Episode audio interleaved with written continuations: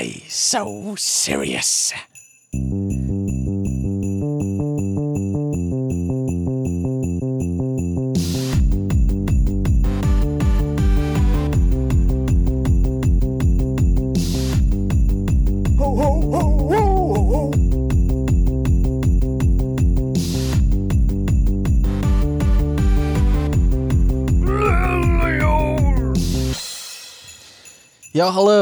Hefur þú fimm mintur til að tala um drotting við okkar og, og besta vin?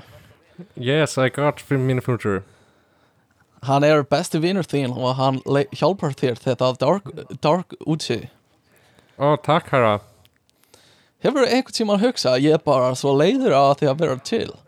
Hefur þú einhvern tímann hugsað, ég bara vildi að ég eigi eigi vin? Þú veist, er þetta cancela? Nei, það, ég held ekki. Ég, Ég er, ég, ég er ekki búin að segja hvað ég er að tala um. Ég er bara að tala um, ég er ekki að tala um neitt sérstætt. Ég er bara að tala um svona bandaríkjumann sem er að kynna upp fyrir vinnir sínum. Já, ok, á íslensku Já, hann bara að reyna að tala íslenska eins og hann getur. Já, Uh, ok, ég byggst forláts ef að ég, ef ég tryggjar að einhvern. Uh, já Og velkomin þetta í... er disclaimer Afa, ah, step, steppi disclaimer er ekki að standa sig í dag. Uh, Velkomin í 60. og annan þátt held ég af podcastunum Ekta frétta. Ég heiti Stefán Gullur Jónsson með mér í dag er Guðmundur Pálsson. Guðmundur, hvað segirðu? Nei, hvað er frétta? Ekkert. Nú klúðraði þú þessi ég er búin að vera alla vikuna. Ég er búin að vera alla vikuna. Þetta er að eina sem ég þarf að muna að gera í vikunni. Ekki klúðra þessu. þessu uh, Einhvern tíma ná upp þessu uh, Ah. Ok Ég sagði, ég er búin að vera að segja þér það allan tíman Ég er eitthvað off í dag um, Hvað hva, hva heitir þú? Ég er að, ég er að byrja aftur, skilur Já, já Ég, velkomin Ekki fara okkar Má ég kynna þig fyrir vinnu minn? Nei, hérna Ég, Ég ég, kann ekki að tala svona Hvernig talar ta- svona? Svona tala svona eins og bandarækjamaður Bandarækjamaður Kann, kanntu ekki að tala svona eins og bandrækjamaður? Það Er er, það það? Já, nei, það er nokkuð. Uh, Þjálfari minn uh, í Körubolta er band, var bandarækjamaður Og hérna Hann er búin að búa henni í svona tíu ári eða eitthvað Og Já. læraði aldrei íslensku. Uh, Sem ég finnst Hvað finnst þér um það? Hva, hvað finnst þér að þurfa að vera búin að búa lengi í landi Til þess að, þú veist Kommitta þig í að læra íslensku? Uh, Já, sko Ég verð að viðkynna mm. Eftir að hafa verið hérna Núna í Hollandi í smá tíma -hmm. Það er alltaf að tegja staðins rammin Örglega einhvern tímann hef, Hefur þú getað sagt til mig bara Ef fólk er búið að vera þetta í fimm ár Þá á það nú að kunna Mhm. tungumálið Já, En með hvernig svona fyrstu hérna, Þrjú árin mm. Á þriðja ári Er Já. að ganga þá, þá, þá get ég alveg skilið hvernig Mm. þú endar á því að læra aldrei tungumálið sko. sérstaklega Einmitt. Íslandi, ógíslega erfitt tungumál og allir tala bara ennsku við þig einmitt Það og fáir tala Þetta er líka, þetta væri kannski öðru að þú vissir hvað ætlaður að vera lengi til að byrja með Þú veist, ef þú kemur inn í landu og ert alltaf bara einhver svona skamtíma pælingum bara eitt ári viðbóti eða eitthvað þá ertu kannski með minni pressu Já, Eh, er það sann? Er það ekki? Og að, en ef þú kemur inn og bara, ég veit ég er að fara að vera inn allavega tíu ár þá veistu alveg að þú veist, þú getur kommittað í það Ég held þetta séu draumóra hugsanir sko. Já, getur við Það getur frekar hugsaði bara æ, eftir að vera þetta í tíu ára þetta kemur að sjálfu sér. Mm. Ég allavega, hann, hann hérna var þjálfur og var búin að þjálfa okkur lengi eða búin að vera hérna á Íslanda lengi og, en hann talaði eiginlega ekki íslensku. En, en þegar hann reyndi þá var þetta mjög mikill svona hreimur sko. Og svona veist, þú veist það er líka oft verið að tala um svona mormónarheim sko. Ég vil ekki endilega meina að ég hafi verið að tala um mormónarheim hérna á hann en þú veist það er alveg svona skýr svona bandarísku hreimur á íslenskunni Já, og Já, já. mjög svona cute, fyndin hreimur sko. Af mörgum hreimum finnst mér hann finnst mér hann svolítið fyndin af því að af því að hann er svo hann er svo heiðalegur sko. Hann er svo heiðaleg Já. bandariska hann að bak við hann sko. Já. og svo koma þeir þeir þeir svo fara yfir í bandari alvöru American það er alveg svona hún skip og svona sletta bandariskum orðum. Það er svo heiðalega slettur sko. Uh, Mér líður alltaf mér, mér líður alltaf eins og þegar ég heyri alvöru bandarækjumenn tala. Uh, lí- fæ ég svona tilfinningur eins og þegar þú veist þegar Íslendingar reyna að tala með of miklum hreim. Já, og ég er, og þú veist, þú ert bandarækjumæður en samt inn í mér er eitthvað svona æ, slaka en sá þú veist, þú ert, þú ert eitthvað ígæðna hreim þú veist, þú Já, talar ekki svona í alvörunni Nei, ég skil þið sko. Uh, En ég fekk smá uh, Hopp ég einu hérna.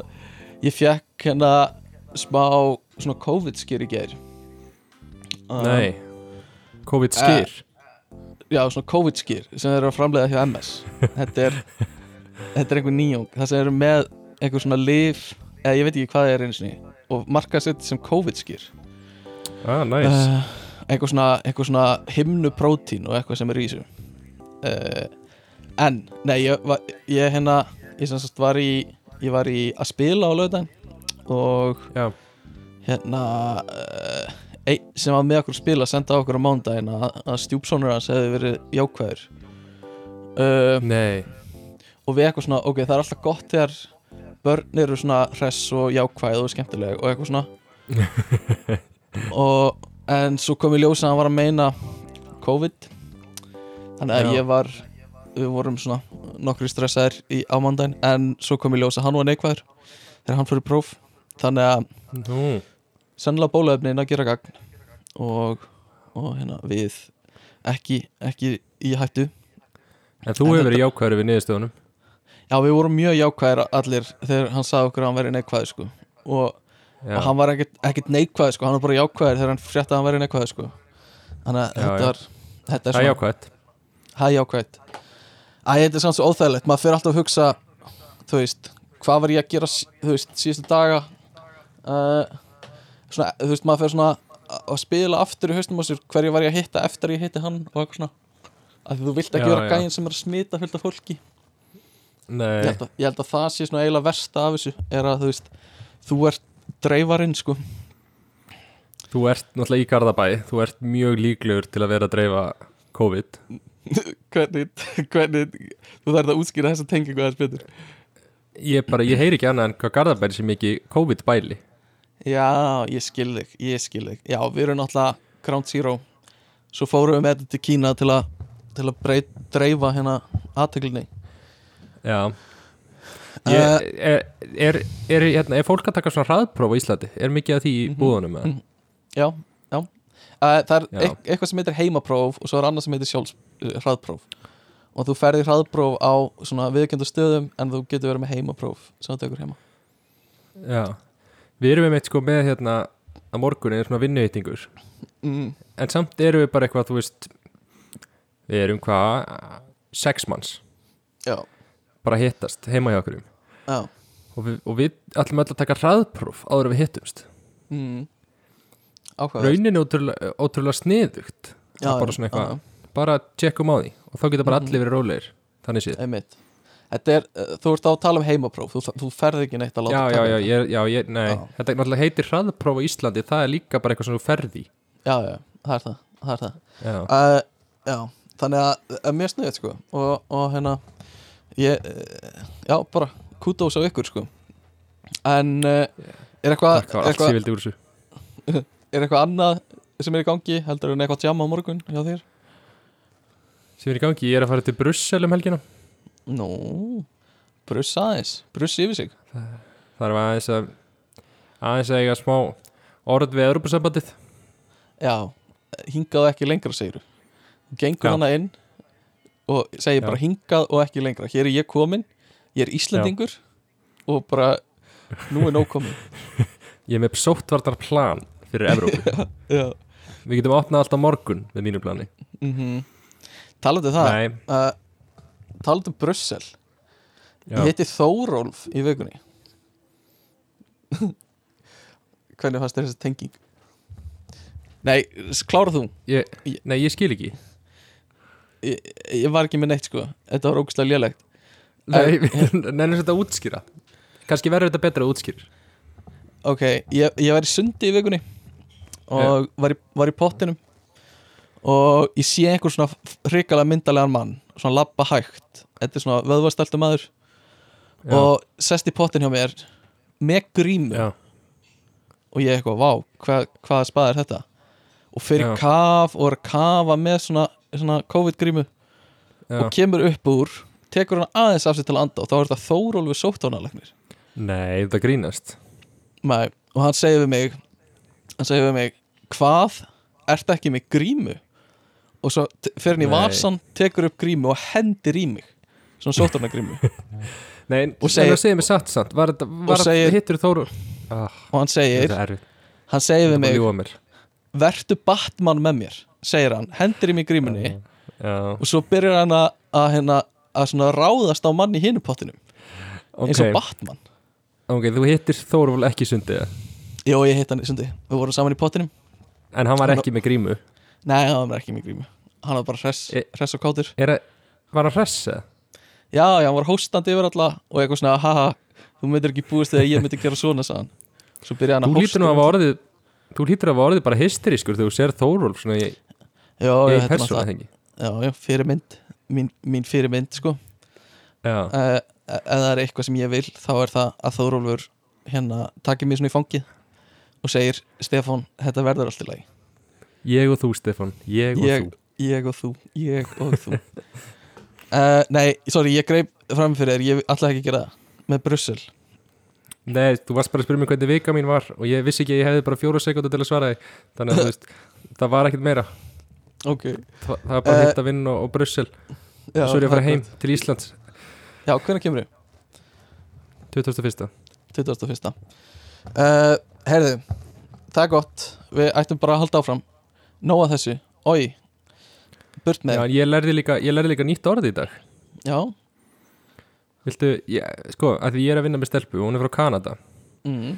og eiginlega hverjum degi það læri ég nýtt orð í ensku. Ok, Canada Ok, Já, og hún segir blasphemy. Já, blasphemy. Það er guðlast, það ekki? Er ekki guðlast? Jú, þetta er eitthvað trúalegt eitthvað. Jú, guðlast, ætlaði mikið sens. Mm En ég, sko, okay, það finnst ekki með að finna nema þér En viltu heyra hérna samhengið? Já, segðu mér sammikið I'll try pip install even though it is blasphemy blasphemy to mix conda and pip. Já. Uh, Áhugavert. Ég gera þetta alltaf reyndar. Ég blanda þess alltaf saman uh, á, Það er blasphemy. Já, það er blasphemy. Það gjör samlega guðlast að gera það. Uh, Þannig að restina þátt tættinum okkar Hann verður á ensku. Uh, Yes, sir. ertu- Yes sir. Nei, við ætlum að tala um bandaríkin loksins. Minn, ég er búin að býða lengi eftir þessu. Guðmundur bannaði mér að gera þetta síðustu viku. Ógeðslega leðilegt umræðefni Þetta verður alveg ógeðslega leðilegt þáttur. Nei, hættu, þetta verður mjög skemmtilega þáttur og mjög áhugaverður. Og það er bara mjög mikið til að tala um hérna. Uh, og ég bara ég vildi ég væri búin að drekka kannski svona þrjá kaffibólla í viðbót til að vera hérna on top. En, en, en ég er mjög spenntið fyrir þessu. Og ég svona kannski byrja bara á að spyrja þig. Hvort heldur þú sért meiri svona sovjet maður í þér eða bandarækja maður, af því þessar hliðar eru oft settar svona á móti hverjannari uh, Ég verð að segja bandarækjamaður sko. Já, er einhver ástæði fyrir því? Ertu, ertu bara ekki hrifin af Putin eða, eða hérna, eða hvað ertu? Eða þú veist, þegar uppi staðið eru þeir nær okkur skilur, Mm, mhm, mhm. Það er margt fucked up í bandaríkjanum en það er meira fucked up í. Úslandi eða, já, Einmitt. Sérst Sko- að þetta er samt svona kannski er þetta eitthvað, munið þetta eitthvað tíma transition aðeins sko, mm -hmm, kannski verður Rústland svona, þú veist þegar Putin er farið þá kannski verður Rústland svona byrjar eitthvað að mörgsa sem er inn í Evrópusambandi og bandaríkjan verða bara stektar og stektari mm, Það geti verið sko. Uh, Sko, Ísland held ég hafi verið rosa sovjest í langan tíma. Uh, Já. og bara svona eiginlega tilfallandi af við duttum til bandaríkjana sennilega út af hersetinu eða eitthvað slags getið að skipt máli. En Já. en lengi vel svona f- fram eftir voru við svolítið sovjesk.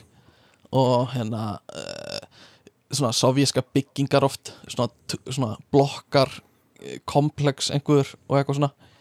Uh, En sko, vorum við bæði- samt eitthvað þú veist, vorum við eitthvað Sovjet þú veist, var þetta eitthvað, eitthvað, eitthvað sem við fengum frá Sovjetríkjunum eða er þetta það að Sovjetríkin eru bara ennþá að vinna með það sem að aðra þjóður voru að vinna með þá? Já, ég veit ekki, sko. Það voru náttúrulega alveg kom, kommunistar á Íslandi, sko. Og uh, þetta er svo, svo fyndi með kommunistan, kommunisman uh, það seg, veist, segja allir eitthvað svona, þetta er alveg góð hugmynd. Þetta er alveg svona falleg hugmynd en gengur ekki upp. Og veist það eru fullt af löndum að reyna að vinna með kommunisma en já, einhvern veginn endar alltaf bara í einhverju svona einhverju svona uh, fasisma Bara- einhvern, einhvern veginn. Já, já, þú veist, bara einhver gæi sem, sem ræður öllu. Og, og þetta er mjög áhugavert eins og með Kína að, að ég er að vinna með strák sem er frá Kína og hann er búin að segja mér aðeins frá þessu. Og þar er bara allt annar hugsunarháttur. Þú veist, þar er þetta bara veist, við, þjóðin á að standa sig en ekki einstaklingurinn. Og veist, þetta snýst allt bara um að að samfélagið sé gott og að samfélagið fungeri og hérna en ekki eitthvað svona fr- frelsi einstaklingsins sem er rosa stert hjá bandaríkjamennunum það snýst allt um í bandaríkjunum að, að þú fár að ráða öllu sjálfur og þú ert þinn eigin herra og eitthvað svona. Um, sem, sem er svona ef þú ættar stjórna landi sem er stort og Kína þú veist þetta eru yfir miljón manns og eitthvað svona mil, miljardur manns minna ég. Uh, veist, þá, þá er erfitt að segja hvað er besta leiðin til að gera og Kína er náttúrulega bara þú veist, margt, margt mjög mjög slæmt við Kína.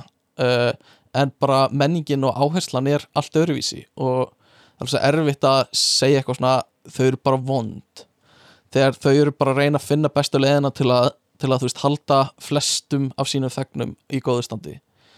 Ég meina, En- getur, get, getur ímyndað er ef að bandar ekki menn væru svona 2 miljardar Já, já, þú veist það, þá pældu ég öllum skotárásunum sem væru þá og uh, þú veist, Kína er búið að tækla þetta hérna, þau eru bara með hart eftirlit eftir öllum þegnunum sínum og Já. það er og fólk er bara, ok, ef ég hegða mig bara vel þá hef ég ekkert til að hafa áhyggjur af þó það sé fylgst með öllum skilabóðum sem ég sendi.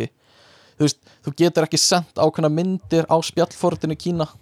Uh, það er bara automatically editað út, sko. Já, já, og, og hérna eh, og, og svona ákveðin skilabóð sem það sendir eru líka bara edit út. Mátti ekki tala illa um ákveðna hluti og mátti bara ekki tala um ákveðna hluti. Uh, Þannig að það að eru þú svona veist- bánsímon myndir fylgtir þær út já, já, já, bara 100% það er það. Og þannig að það er alveg bannað en þú veist, bara til þess að en aftur á móti þú veist, þá eru þeir að kötta niður, þú veist, skotára sér og, mor, og svona fullt af einhverjum svona morðum og eitthvað svona sem þeir ná að kötta út með þessu. Þannig að það er svona hvar, hvar dregur línuna og við klárlega erum með önnu gildi bara. Bara við, sannlega svona vestræni heimurinn er með allt önnu gildi heldur en þau eru með í Kína sko allan svona eins og ég skinni þetta frá spjallum mínu við hérna uh, vinn minn og en hver En hvað finnst honum um hvað finnst honum um þetta? Þú veist, er Mhm. hann eftir að vera núna búin að búa í svona vestrænu samfélagi mm -hmm, er hann, þú veist, horfir hann á Kína sem betri stað eða, þú veist, leið honum betur að vera í Kína eða, eða þú veist, hvað finnst honum? Mm, sko, ég held að þetta sé svolítið er, ég held að hann finnst það bara tvent mismunandi og ég veit ekki hvort hann finnst annað betra en hitt. Hann er allavega ekki reynd á því að Ísland sé betra og kannski ekki beint reynd á því að Kína sé betra. Hún veist margt í Kína betra. Eins og hann er hrifin Já. af vinnu effekinu þú veist, hann vill Hmm, Ha- hann væri til í að þú veist hérna uh, uh, þú veist að börni sín myndu kynnast vinnu ethekinu sem er í Kína. Að hérna að þú veist þú ert bara að læra og, og þú veist þú ert bara að læra um helgar líka og það er rosa lítill svona frítími og, og hérna þú veist En- er, og, og menningin einhvern veginn svona uh, finnst sum, sumt mjög góð við Kína og sumt kannski svona þægilega á Íslandi en er eh, hann, vinnur, vinnur hann sjálfur svona mikið það? Uh, já og nei hann er, ekki, hann er bara duglegur en þú veist Mér finnst þetta bara svo fyndi að sumir taka þessa pælingu að vera eitthvað svona eitthvað, ó, það er svo, ég verður svo mikið til að upplifa að vera í vinnumenninguna þess að ég er að vinna 17 tíma á dag. Mm -hmm, mm en svo ertu sjálfur í vinnu og þú vinnur 8 tíma. Já, já, og þú vinnur aldrei mínútinu lengur. Með mig uh, já, ég þetta er, það er erfitt að segja sko. En, en þú veist, hann er líka bara á því að þú veist, svona er þetta bara Kína. Og þú veist, það er bara Mm. fylgst með þér allan, allan tíman og og hérna, ég veit ekki hvað ég vil leggja honum mikið orðið mun. Þannig að ég er svona meira að tala um kannski almennt, svona eins og hann var að útskýra þetta. En þú veist, þá er fólk bara bara sátt við þetta. Bara eins og kreditskorið er þú veist bara uh, þú, veist, þú veist með svona social credit score sem er basically bara eins og Black Mirror þátturinn. Þess að þú fær Já, bara já. mínus að þú gengur yfir á rauðljósi gengur yfir götu og eitthvað svona. Uh, og, og þú veist hann var að hann var að tala um að þú veist þegar hann var yngri þá var ekki búið að implementa þetta í einhverja tækni en það voru eiginlega allir foreldrar bara með svona í hausnum á sér svona credit score á krakkana sem voru þannig og bara vita að ákveðni krakkar í bekknum er að fá lélæri einhvernir og þá segja þau bara þú mátt ekki leika við þennan strák uh, af því hann er bara ekki góð áhrif og þú veist, eru bara með þetta í hausnum á sér þannig að Já, það er bara svona frekar lógist framhald af því er að færa þetta yfir í eitthvað svona database og tækni sem er bara haldið utan um þetta fyrir þig. Þannig að sem er, sem er samt svo brenglað. Algjörlega. Og það er bara gildin okkar eru bara allt öðruvísi. Já, og ok okkur finnst þetta bara fáránlegt. Uh, en það er bara svo erfitt að leggja mat á aðra menningar heima finnst mér. Uh, og bara, þú veist, hva, hver er besta leiðin til að halda þú veist, tveggja miljardar þjóð þannig að hún fungeri og það er bara, það, það kannski virkar ekkert að hafa sama kerfi og við erum með hér til þess að gera það. Já, þannig að það er bara mjög áhugavert uh, að sjá svona hvernig mismunandi lönd er að gera þetta. Og, og hérna bandaríska aðferðin finnst mér að vera mjög brengluð líka uh, hvernig þeir gera þetta eða þau gera þetta. Og svo erum við Íslendingar líka með okkar aðferð og hérna þú veist við erum svo Fullkomin. fá fullkomin aðferð. Bara láta kötu jak stjórna öllu það er bara, það er bara þannig. En allan, við getum farið langt hún í þetta en við skulum aðeins bara svona kúpla okkur út. Hver er svona þín reynsla af bandaríkjum? Þú hefur nú farið til bandaríkjana ég er ekki frá því að hafa farið til Los Angeles. Jú, Ha? jú. Að sjá Jay er Leno? að ég sé, ég sé að þetta lifir ennþá í þér. Þú gast þetta ekki síðast. Ég minna aldrei glemma þessu. Já, ég farið bara á marga staði í bandaríkjunum sko. Uh, mín upplifun af bandaríkjunum er veist það er ógíslega geggjað fyrir svona það að fara í búð kaupa hluti. Ef þú vilt fara að sjá eitthvað veist, ef þú vilt sjá stórt sjó eða vilt fara, veist halda á stórri byssu eða mm, allt Já. þetta er ógæslega mikið bandaríkjum bara ef þú vilt eitthvað stórt, geðið næs, hótel þú veist, Mhm. allt sem þú sér í bíómyndunum sérðu bara úti, þú veist, gululegu bílarnir í New York, þú veist, þetta er bara svona sért bara inn í Mhm. öllum bíómyndum einmitt. og þú veist en á sama tíma þá er eitthvað svona þú veist eitthvað of mikið eins og ég þóla ekki Já. bandaríkin hvað það er alltaf að keira allt Já, ógeðslega já. mikið ógeðslega langt ferðalag einmitt, einmitt þetta er bara, ég held að þetta sé bara mjög mikið kristallar hvernig menningin er í bandarækjunum það er þetta, það þarf að vera stórt og þú þarft að mikil áhersla á að kaupa á neysluhugina og þú veist, maður, ég er svolítið að alhæfa hérna og það er náttúrulega alls ekki þannig í öllum bandarækjunum en þú veist, svona það sem maður það sem maður kynnist af þessu er rosa mikil áhersla á, á hvað þú að kaupa peningana hérna. Það er, þú veist, það bara þetta er kert áfram af neyslunni og hérna kapitalinu. Og, og eins og þú segir með stórt sjó og þetta þarf alltaf að vera uh, svo grand og, og huge og stærsta Já, hérna stærsti uh, svona tegju skopparabolti í heimi getur þú séð eða þú ert að keira og eitthvað svona. Já, já, já. Uh, ég fór til bandarækjana, ég fór til New York uh, og fór svo kerðið um New York ríki og sjá, sá hérna Niagara Falls og eitthvað svona. Mjög töff. Uh, vissið þú ég var að skoða lista yfir fossa um daginn. Ísland er bara með fullt af uh, bara svona stærstu fossum í heimi. Aha, já, bara marga á mörgum listum yfir bara stærstu foss í heimi sko. Er Uh, stærsti foss er hann þá hæðin og, og breyttin á honum? Já, náttúrulega að mæla þetta á marga vegu. Það er oft tak- tekið sko vassmagn á þú veist, sekundu eða mínútu já, eða eitthvað. Já, já. Og Íslandi bara með nokkra fossa á einhverjum svona listum yfir það sko. Uh, Er það per capita eða almennt bara? Já, per mann per einstakling. Nei, já, það er bara yfir höfuð sko sem ég fann svolítið magnað. En Niagara er þannig einhvers staðar og uh, það er svolítið töf þeir slökkva á fossinum tundum á vetuna, minnum mig sem er líka freka fyndið. Það er asnalegt, það er svolítið asnalegt. Já, þeir, þeir sérst, bein honum einhvert annað á vetuna sennilega til að vinna ramagn eða honum og svo bara kveikt á honum held ég sem er mjög fyndið. En ætlaði sé ekki bara, þú veist, verði ekki bara eitthvað svona flóða Já, sannilega eða, eða, Hvað menur Eða þú veist, bara eins og um daginn þá var Toronto bara lokuð út af því að það bara eitthvað foss, flætt, nei, eitthvað virkjun brotnaði Já, og það bara flætti í kringum alla borgina þannig að það bara Mm, lokað. Já, ok, það er Þetta sé ekki eitthvað, svo, eitthvað svoleiðis vörn að þegar að þú veist þegar að byrja að brána ísinn eða eitthvað þá verður bara beina þessu eitthvað annað eitthvað mm, Já, það geti verið sko. Uh, Ég þekki það ekki alveg. En jú, það hljóm uh, mega sens sko. Uh, en, en svo, þú veist fær maður alla sína umfjöllunum bandaríkin allan ég í gegnum samfélagsmiðla. Þú veist, maður er ekkert mikið hana og uh, þú veist, það er Hollywood sem við tölum kannski um að eftir er bara huge. Uh, núna er gegnum bara TikTok rosa mikið af bandarísku efni á TikTok sem við sjáum. Uh, og alls konar svoleiðis og hérna uh, þetta, þetta er já, ég veit ekki, bara mjög áhugaverð menning og hvernig við einhvern veginn sjáum hana í gegnum samfélagsmiðlun okkar.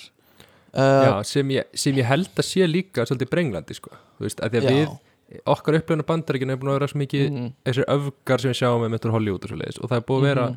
þetta með Trump og allt þetta mm, Þú veist, þegar upp er staði þá er svona bandaríkinu það er örgulega bara fínt að búa þarna ef þú ert á réttum stað ég meina þú ert með Já. land sem er með Einmitt. bara þú getur farið í 40 stið hitta þú getur farið í mínus 40 stið þú getur farið á skíði, Mhm. þú getur farið í stórborgi Mhm. þú veist, þetta er örgulega Einmitt. fínt land Já, sennilega sko og að mörguleiti uh, bara margt brenglað. Eins og þú veist, þetta eru líka bara basically 50 lítil lönd sem eru saman í einhverju svona Evrópusambandi nema bara, þú veist, Já, bandaríkjasambandi. Og sem er þú veist, eins og bera saman uh, Kaliforníu og svo bara eitthvað svona eins og ég veit ekki, Louisiana eða eitthvað svona suð, Suðuríki sem er bara allt já, þú veist, það er bara allt önnu menningar og, og fólki hefur bara allt önnu gildi. Uh, en, en sko sko saga bandaríkina Guðmundur, saga bandaríkina ah, byrjar það, segðu mér meir. Uh, sko Br Bretland náttúrulega átti stóra hluti í þessu. Það voru alls konar lönd hana það voru Frakland var hana sem átti part af þessu og Bretland og eitthvað. En Bretland endar á því að vera svona stærstir hana og uh, en, en bandaríkjumenn náttúrulega vilja það ekki og vilja bara sitt sjálfstæði og uh, henda öll teinu í, í, í sjóin og ætla sennilega að búa bara til svona risastóran te-drykk. Bara til þess að Já. allir í Boston geta fengið sér te er sennilega hugmyndin. Og þau taka bara fullt af te og henda bara í sjóin til þess að allir geta fengið sér. En breytar er ekki hrifnir að því að, að það sé verið að henda teinu þeir í sjóin þannig að það kemur stríð. Bandaríkin eh, vinna það og eru sjálfstæð skrifundir einhverja pappira og rosa fínt. Og svo er borgarstyrjöld og barast um frá söðru, norður og söður og barast um frelsi hérna, þræla og fleira. Já, og svo kemur 20. öldin og að vilja margir meina að það sé ákveðin gullöld í sögu bandaríkina þú veist, þá eru þau svona stórveldi og hérna eru með að fram, byrja að framlega Hollywood myndirnar og eru svona svona draumurinn um að keirum bandaríkin verður til þar í einhverju svona bíl og, og allir eru svo sexy svona Mad Men hérna stemning þar sem allir eru í jakkafutum og reykja sígarettur og eitthvað. Uh, og svo myndi maður segja eiginlega að það er ákveðin hnignun í bandaríkjunum akkurat núna og síðustu ár. Það er eitthvað svona, þeir eru ekki eins leiðandi eins og þeir voru og þeir eru Já, bara já. svolítið í ruggli og það er margt bara sem er ekkert að virka hjá þeim eins og er sko. Uh, og það er þetta er basically saga bandaríkjana ég hugsa að þú getur fengið mjög háa einhvern á öllum svona söguprófum ef þú, veist þetta. Fyrir spurninguna eh, fylgdu upp sögu bandaríkjana já, já, já, þá er þetta svarið sko. Uh, og út úr þessu kemur þetta ógeðslega tveggja flokka kerfi sem Já. ég, já, þú voli ekki. Þetta republikana demokrata kerfi uh, Af hverju, er eru svona sterkar tilfinningar? Mér finnst þetta bara í fyrsta leið asnalegt. Þú veist, þetta er ekki tveggja flokka kerfi það geta komið fleiri flokkar, það er ekki að banna þeim það. Uh, en þú veist, það er bara eins og sjálfstæðisflokkurinn og samfélkingin eða eitthvað, nei, ekki eins og það. Sjálfstæðisflokkurinn og framsók væru þú veist bara, bara væri bara alltaf kosið þá.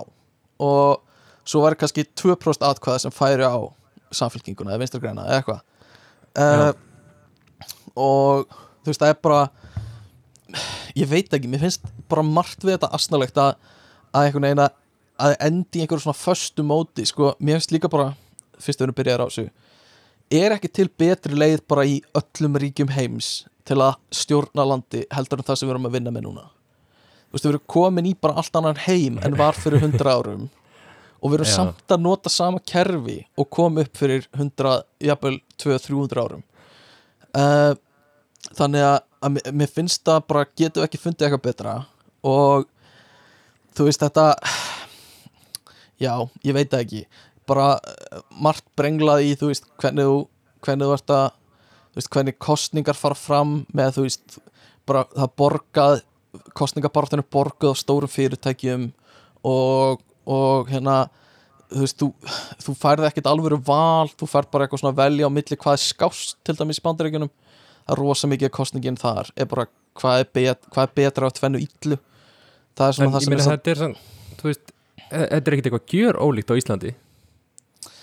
Uh, nei, kannski ekki. En þau eru með þetta sko, þau eru með þetta hérna fulltrúadeildin og Já, er reyndar- hérna þingið.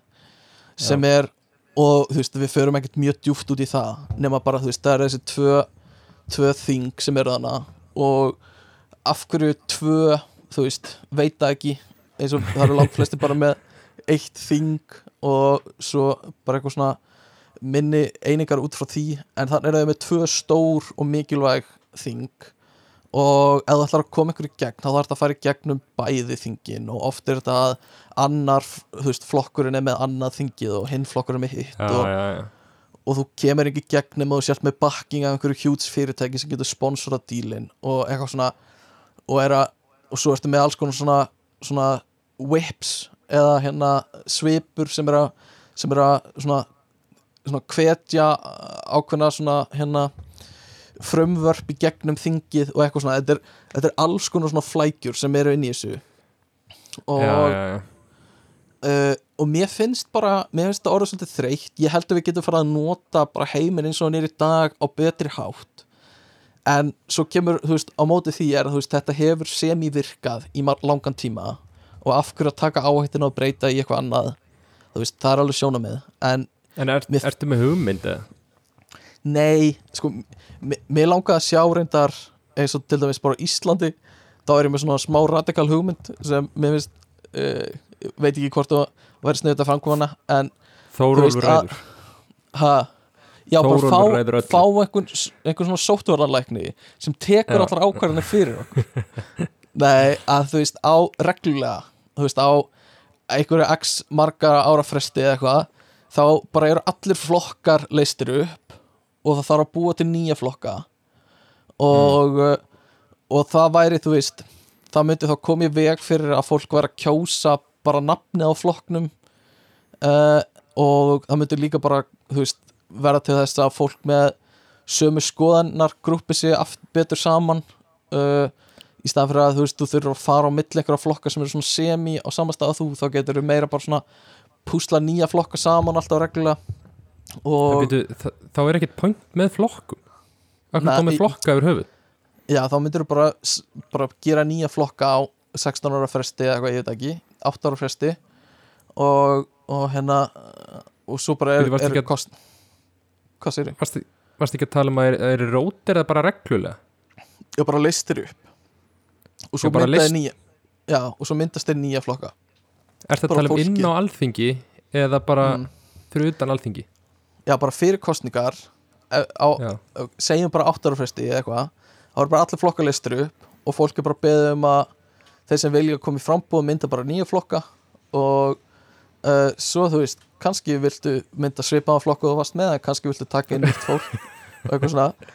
Bara svona af mörgum ástæðum. Þá þú veist, te- tekur þú burt þetta kjósa bara af því þú kýst alltaf eitthvað og hérna er kannski meira svona pæli fólkinu sem er í flokknum og en þú veist, hver er, mun, hver er munurinn á því að taka fólkið sem er í ákveðum flokkum, Mhm. splitta þið Mhm. upp og segja síðan saminist eins og þessi með sömu skoðanir hver er Mm. munurinn á því og að einstaklingar sem eru með skoðanir sem stangast á við flokkin sinn hoppi yfir í annan Mm. flokk uh, sko, þetta væri og veist, þetta er ekkert frábær hugmynd vegna þess að fólk gæti náttúrulega bara mynda nákvæmlega sömu flokka og það var í en bara svona einhver leið til að aðeins stokka upp í þessu betur og þú veist uh, svona, svona fá, fá svona ferskari hópa inn í þetta og ég veit ekki, kannski svona verður aðeins svona hérna uh, meira fjölbreytt fjölbreyttara hvernig flokkanir raða sér saman og þú veist, þú ert ekki með alltaf þú getur ekki hugsað eitthvað sjálfstæðisflokkurinn var með þetta mikið síðast og núna er það með aðeins minna fylgi en síðast. Eitthvað svona, það er verið að byrja saman flokkana? Uh, ég veit ekki en ekkert frábær hugmynd, en bara svona að gera eitthvað eins og þetta að hérna svona finna eitthvað ný, nýjar aðferðir. Og hvernig getur við nota tæknina til að til að hérna til að ráða betur eða þú veist, koma betri stjórn, stjórn með tækninni? Ég var að Eh, hugsa svona blockchain stjórnmál. Já, já, ok, það er ekki vitlaust. Áhugavert. Bara svona fullt af einingum óháð hvort er öðru. Mm. bara eitthvað svona samþykja eitthvað. Mhm. Ok, ég er ekki búin að hugsa þetta í gegn. Mér fannst það bara Nei. konseptið eitthvað cool. Þannig að ég er að býða eftir ykkur. Þá má Mhm. ykkur klár manneski að taka þetta áfram fyrir mig. Ok, þú gefur grænt ljós á það. Uh, ég gef grænt þessu það. Já, já. En, allavega. Uh, Það er þessi þessi, þessi fulltrúa uh, deildin, öldungadeildin og svo ertu með fósitan sem er efstur. Trónur á topnum og hann er bara, þú veist, eitthvað. Hann er þarf ekkert að vera samóri fulltrúa deildin eða öldungadeildin eða bara, það er bara tvent algjörlega ólíkt. En samt ræður hann á hann að ráða öllu. Uh, og þú veist, kostningana líka stund, þú veist, þú þarft ekki meiri hluta atkvaða, þú þarft meiri hluta hérna uh, þingmanna eða kjörfulltrúa eða eitthvað svoleiðis. Og sem verður til þess að eins og hérna Hillary var með fleiri atkvæði en Trump en Trump vann uh, ég held að hann hérna Al Gore hafi verið með fleiri atkvæði en Bush árið 2000 en Bush vann samt. Og eitthvað já, svoleiðis. ríkjaskipt já. já, sem býður upp á það. Og þá myndi kannski einhver segja þú veist, þá væri bara kostningabaratan öðruvísi. Og þú veist, það myndi ekki skipta neina máli. Þá myndi bara uh, hérna, full, nei, uh, þeir sem er að bjóða sér fram bara þú veist, meða kostningabartanu sinni út frá því en í staðin fyrir ríkjunum og eitthvað svona. Og ég segi bara því, já, bara gott, gerum það frekar en að hafa þetta meða eftir ríkjunum. Uh, og og mér finnst það líka bara mjög asnælegt hvernig, hvernig þeir eru með það sett upp sko. Uh, og og svo hérna erum við með þú veist, fórseta sem hafa gert alls konar skandala og eins og Nixon uh, þegar hann lísti við stríð og fíknefnum og við erum bara ennþá að líða fyrir það bara allur heimurinn er að líða fyrir það. Að þú veist 70 og eitthvað lýsir Nixon við stríð og fíknefni bara war on drugs. Og, og hérna verður til þess að, að svart fólk fyrir rosa mikið í fangilsi verður til þess að, að fíklar uh, lenda í miklu vandræðum uh, og bara fullt af einhverju drasli bara til þess að Nixon hafi eitthvað svona eitthvað svona uh, uh, já, eitthvað svona til að standa fyrir og eitthvað til að berjast gegn. Og núna er þetta war on terrorism sem Dick Cheney og Bush voru að gera. Þetta er bara margt fáránlegt við þetta. En uh, stríð gegn fíknefnum pældi í hvar, hvar við getum verið statt núna. Ef við hefum bara leift rannsóknir á fíknefnum síðustu 50 ár og hefum getið verið að vinna þú veist bara liv og eitthvað út frá frá ofskinnur efnum í staðan fyrir að banna þau og að, pyrra mig smá. Og líka bara hvernig það er verið að koma fram við hérna fólk sem er með sjúkdóm neyslu sjúkdóm uh, og, og höldum áfram í neikvæðinni hérna. Svo er líka réttarkerfi í bandarækjunum rosalega fókt með það kviðdómur í fyrsta lagi sem er ekki allstar uh, jury of your peers uh, sem maður hefur heyrt mjög oft og jury duty. Verður til ég hafa kviðdóm á Íslandi veist, ég væri úkslega til að mæta. Já, einmitt. Það er úkslega til að sitja í svona kviðdómi og bara eitthvað mm -hmm. líka Og bara þú fengir eitthvað high profile case eins og Já, The Scranton. Strangler. Já, einmitt, einmitt. Uh, einmitt, þá er bara fólk bara venjulegt fólk sem fær að meta það hvort að einhverjur sekur eða saklaus sem er rosa smá skrítið að því þú þarft ofta að einfalda málið eitt rosa mikið til þess að þú veist, innan gæðslega venjulegt fólk átti sjá hver í gangi og það er hægt að koma með alls konar svona tölfræðist tricks til að láta líta út eins og einhver sé sekar en hann er og eitthvað svona. Uh, En er þetta, svona- þú veist, veistu hvað vægi þetta hefur, þú veist? Ég held að þetta sé segur saklaus og dómarinn kveður upp hversu hafa dóm í rauninni og, sé, og heldur utan um hérna. ég held að þetta sé svona meir og minna þannig svona í grófum dráttum þannig. Og hafa, þú veist, ef ég er orðin sjötur í bandaríkjunum mm hef ég pottet farið einu sinni og verið í kviðdóm eða hef ég Ég farið myndi- nokkur sinnum eða aldrei, veist, Mm. svona ég, ég myndi halda það sko að það er svona, já, ég myndi halda að flestir fari sko, allan að fá bóð og svo er valið Já. sko svo mætir og svo fá lögfræðingarnir að segja nei, þeir hafa einhver ákveðið mörg veto segja bara nei, nei, Mm. nei, já og svo þegar lögfræðingarnir báðu megin eru búin að samþykja, þá er þetta tekið inn sem þýðir að þú veist, það er Ok. Það er oft valið, þú veist hvítt fólk eða eitthvað í ákveðnum lögmálum frekar heldur en svart fólk og öfugt. Uh, En þetta, er, þetta er alveg, þú veist, þetta er random eða ekki?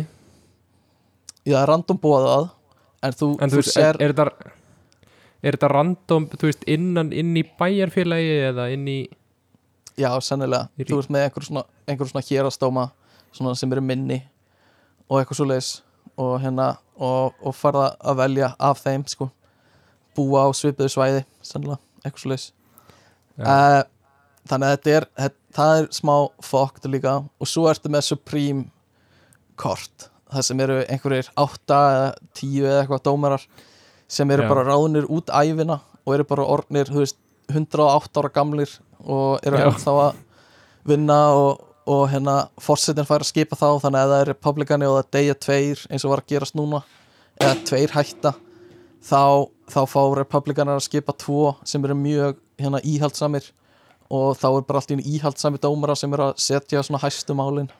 Já, hvað héttur öfugt. konan sem var búin að vera þetta ógstlega lengi? Ruth Bader Ginsburg hún var fyrirmynd hjá mjög mörgum. Og eins og hún og hún var eitthvað svona reyna að deyja ekki bara ekki deyja, ekki deyja þá kemur einhver demokráti þetta er svo asnalegt að þetta sé þannig sko. Og, og mjög fyndið, þeir voru búin að segja veist, þetta gerðist eitthvað svipað held ég þegar, þegar Obama var eða eitthvað svo leiðis að veist, það, það fjall einhver frá rétt fyrir kostningar bara þú veist, þegar kostningabaráttan var í gangi og það Mhm. þurfti að skipa nýjan og allir republikanar voru að segja eitthvað svona ef þetta myndi gerast þegar okkar fórseti er þá myndum við alltaf býða þanglega eftir kostningar það er bara almennt skynsemi.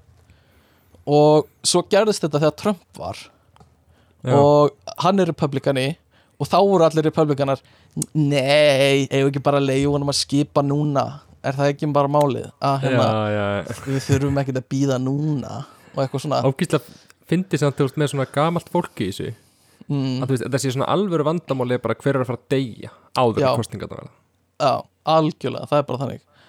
Og þau er að stjórna þú veist, einhverju svona fæði, eh, þungunarofs hérna uh, málum og, og hérna og alls konar svoleiðis málum sem eru bara mjög stór. Og ef það er mikið íhaldsfólki þar þá er bara íhaldsamt hvernig bandaríkinu eru í bara marga áratöyu viðbót. En við erum búin með þetta, leð, leðilega leðilega en hvert er hérna svona ef við erum að hugsa skemmtilega svona bandaríkja menn hver, hver er þetta í hug? hver er svona besta bandaríkja fólkið? Besta bandaríkja fólkið Já, það er alltaf að tala um Abraham Lincoln og eitthvað svo leis Já, uh, Martin Luther King. Ó, töff, töff, töff. Þetta, þessi var góður. Uh, Mike Kardashians. Tyson. Já, Kardashians. Fullt af einhverju svona uh, stjörnum Svo voru alls konar sem voru að finna upp eitthvað sniðugt eitthvað svona uppfinningafólk og eitthvað. Uh, Svona Einsteinar. Já, einmitt. Þannig að við erum með alls konar gott fólk annað sko. Það er bara, mér finnst stjórnarhátturinn svolítið asnalegur. Og það er Það skrítið að taka satt 300 miljón manna þjóð og er vondir. pikka bara einhvern úr sögunni. Mm, Hann er góður. Uh, En við erum með, þú veist, það er rosa sterk svona tilneying hægri vinstrið í bandaríkjunum. Það er bara, Já. það er bara ef þú ert á hinni hliðinni þá ertu bara vondur. Já, og já, ef, já. við, ef við tökum þetta bara þetta er náttúrulega allt bara svona fyrsta leikunast alveg upp og svo bara gildin einhvern veginn sem þú hefur í lífinu. Og tökum bara eins og bara mjög erfitt mál eins og, eins og bara fósturrengar eða þungunarof já, uh, hérna ef þú ert mjög íhaldsamur þá er, viltu bara meina að þetta er bara þú ert bara að drepa börn. Já, um, sem sem ég er mjög ósamala sjálfur. En, já, en ef þú trúir því virkilega uh, og, og hérna þá ert þú bara þitt stand sem bara berjast gegn því að börn séu drepin. Sem er þú veist sem er alveg punktur sem maður getur skilið sko en þú veist, Uh, þetta er þetta er náttúrulega, þú veist, þetta er bæði alveg jafn miklar öfgar, það að við Mhm. trúum því það mikið þetta sé í lægi mm, mm þú veist við erum líka að trúa ógislega mikið á eitthvað sem að að ég veit ekki, veist, þetta, þetta, þetta er ekkit bara eitthvað öfga skoðun að vera á móti því og geða þetta Mhm. venjuleg skoðun að vera með því. Við erum bara í þenni samfélagi veist, en, já, já, einmitt. Og svo kemur inn í þetta bara uh, að ráða yfir sínum eigin líkama sem er mjög stór partur á þessu uh, og þetta, þetta verður svona það eru alls konar svona þversagnir sem koma upp í kringum þetta. Þú veist, þú ert með íhaldsfólkið sem vill ekki fóstureyðingar en er samt, þú veist upp til hópa mest sem er að berjast fyrir meiri hernaði og stríði og að fá rétt á að verja þig og drepa fólk og svona eitthvað svoleiðis. Mm, en það vill ekki þú veist, að, að þetta sé drefið en því er alveg sama þó að börn í, í með austurlöndum séu skotin til bana og er ekkert að kipa sér upp við það. Uh, og svo ertu með þú veist hérna uh, já, og þú veist, bara alls konar svona einhvern veginn þversagnir sem, sem sem koma upp og þú veist, þú vilt einstaklingsfrelsi en þú vilt ekki að konur hafi frelsi til að ráða yfir sínum eigin líkama og eitthvað svona uh, mikið einhver svoleiðis dóti sko. Uh, og svo er þú veist trúarmenningin líka mjög sterk þarna það er þú veist uh, mikið kristið og þú veist við erum með bara í sannilega hérna uh, ég maður ekki hvaða í, stjórnarskonan sinni eða eitthvað svoleiðis bara svona rétturinn á að túlka, túl, hérna að, að, að hérna vera með þín eigin trúabrögð og rosa mikið þú veist af kristnu fólki sem er þannig í bandarækjunum uh, og svona öfgar mikið og, og fela sér rosa mikið bak við trúna sína. Og er, er, það, er, veist, er þetta ekki líka bara keisið bara í meiri hlutar um heiminum, heiminum? Jú, að sennilega trú sko. sé svona stór partur þú veist, mm við, þú veist, ef þú tekur upp byrtu Norðurlöndin, Mið-Evrópu Mhm. og eitthvað svona, mm, þú veist, svo eikst þetta bara en ég meina, þú veist, trú í Asíu er alveg mikil gerir mhm. það fyrir, já, Suður er Ameríku Ameríku, þú veist. Mm, algjörlega sko. Uh, þetta er bara svo, er svo svona áhugavert þegar þú ert með ákveðin trúabröð sem þú veist, eins og kristni sem er rosalega ábyrjandi í bandarækjunum og þú ert samt á móti hinum trúabröðunum uh, að ég veit ekki eitthvað svona ég veit ekki hvað ég er að segja einu sinni sko. Þetta er bara svo þú veist þú átt að geta trúa eða svona dýrka þá trú sem þú vilt en uh, við eiginlega bara fílum þá sem eru kristnir. Og þú hérna og uh, það er eiginlega gert ráð fyrir að sverja á biblíuna þó það eigir að geta svarað á hvað sem er og eitthvað svoleiðis sem er Já, mjög áhugavert. Ætlu meir byggjum eitthvað annað bara, ég ætla að fá að sverja á kóranin mm þú mátt sverja held ég bara á hvað sem er sko. Þú mátt sverja á bara veist, mynd af mömmuðinni eða eitthvað. Að þú vilt sko. Nei, aha. Ég held það, ég held að með sverja bara meira minna upp á hvað sem er En þá Eh. ertu reyndar alveg, þú ert alveg dauður fyrir rétti fyrir kviðdóminum í að já, þú fyrir bara eitthvað að sko sverja á eitthvað Einmitt. það er því kviðdómar væri þá já, væri þá valin sem fullt af íhaldsumum hvítum fólki, miðaldra fólki og Já. hérna og þá er það búið, að velja það sem alveg svona vinnur svolítið upp á móti þér sem er ekki gott uh, einmitt og svo, En eru, eru, þú veist, er hvít fólk í bandaríkjunum trúaðara heldur en nei, ég, ég veit ekki. Ég er ekki viss að, en svona uh, miðaldra ég veit ekki, söðuríkja búar eða eitthvað svoleiðis, kannski eitthvað meira. Mikið Feitur. fordóma hjá mér. Hann heldur á haglabissu og er á svona trökk. Uh, get out of my town. Algjörlega. Uh, og bandaríkin hafa gert fullt af mjög slæmum hlutum. Og já, ég, er svo, ég er svo neikvæður hérna. Uh, sko, þegar ég byrjaði að skrifa hana þátt hugsaði ég, ok, ég, ég vil ekki tala of vel um bandaríkin, ég á öruglega eftir að gera það. Og eitthvað svona, ég vil ekki vera bara að peppa bandaríkin, en svo endaði ég á Já. bara að vera neikvæður um bandaríkin eiginlega allan þáttinn. Já, þú líka Uh, þannig að hlustendur, má ég lesa bara það sem er efst? Neður bara strókað út. Já, ég er búin að stróka það út ég get, ég get Steppi var búin að skrifa nefnilega hérna efst í skjali sem hann gerði Mhm. handrita sem þætti. Hann skrifaði finnst vanta eitthvað létt og skemmtilegt er smá neikvæður. Mátt bæta inn skipta út please. Ég er svo neikvæður og leiðilegur alltaf. Já. Mér líður smá þannig núna sko. Uh, þetta er líka, já. En, en það er eiginlega ekkert hægt að tala um þessa þjóð nema með því ég var líka að horfa á mynd sem heitir Vice í gær, sem fjallar um hérna um varafórsta bandaríkjana þegar George Bush var frá 2000-2008 Já. uh, og hann fjallar um Dick Cheney. Og hann er bara svo bara svo vondur uh, að miklu leiti og bara svo margt svona slæmt sem bandaríkin er að gera hana eins og þú veist byrja að fylgjast með öllum, lesa skilabóðan hjá öllum sem þið mega bæðu og ennþá gera bara hverjum sem er mega skoða, persónlega skilabóða þeirra. Og þú veist, það var eitt atriðana það sem var, þú veist uh, eitthvað svona, bandaríkin þau, þau pynta ekki fólk. Og svo Já. var einhver sem spurði eitthvað svona en við erum að waterboarda og við erum að gera alls konar svona aðferðir til að ekstrakta upplýsingar sem eru basically pyntingar. Og þá sagði þú veist einhver nei, bandaríkin pynta ekki fólk þar á leiðandi samkvæmt skilgreiningu eru þetta ekki pyntingar aðferðir þú veist bara eitthvað svona bara eitthvað svona- sniðugt. Já, bara mjög sniðugt.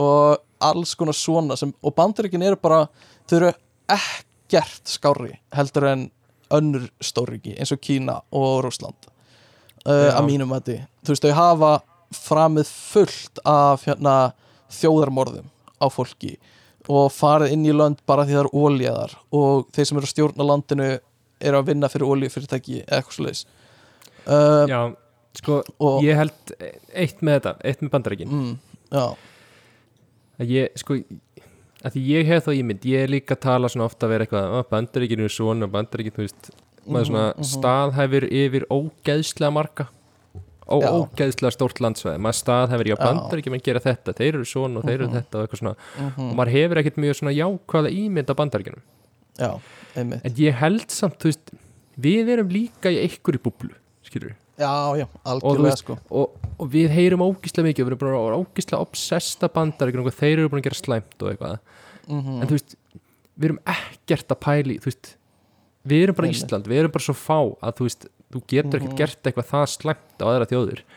Nei, en þú veist, manneskjöldnar sem hafa stjórna hérna á Íslandi eða í öllum öðrum löndum þetta er ekkert eitthvað þetta er ekkert eitthvað Mhm. betra fólk skilur þetta er Nei, nei fólk er bara ömulegt allstaðar, hvort þú ert bandarækjamaður eða ekki, þá er bara úkslega mikið Mhm. Já. ömulegu fólki sem getur komist í stjórn hvar sem er, Al, Já, já, algjörlega Meina, við Eh, rændum bara fólki hérna í gamla þetta, við, Já, við komum bara fólki sem rændi bara fólki bara Já, fór, já. sild ekkert og Já, rændi bara öllum fallegum konum já. þú veist, en, en aftur á móti þá komum við líka af fólki sem var rænt skilur þannig að við erum Já. bæði við erum með þetta bæði í okkur það vorum Eh, ekkert skárri.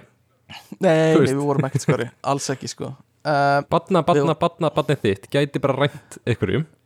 Já, já, og við vorum sem við erum einhver bara svo síðan einhver lítil. ætliði við, við erum bara svo lítið og sætt Við erum bara að ræna smá Bara að ræna nokkrum sem það sætum. Uh, Já, það er alveg rétt. En ég er með einhvern lista hérna sem ég nenni ekkert mikið að fara yfir En alls konar þjóðarmorð og svona uh, útrýmingabúðir Og uh, nýbúin Þú að tala ha, nýbúin að tala um hvort það verður neikvæður. Það er með langan list af Já. þjóðarmorði. Já.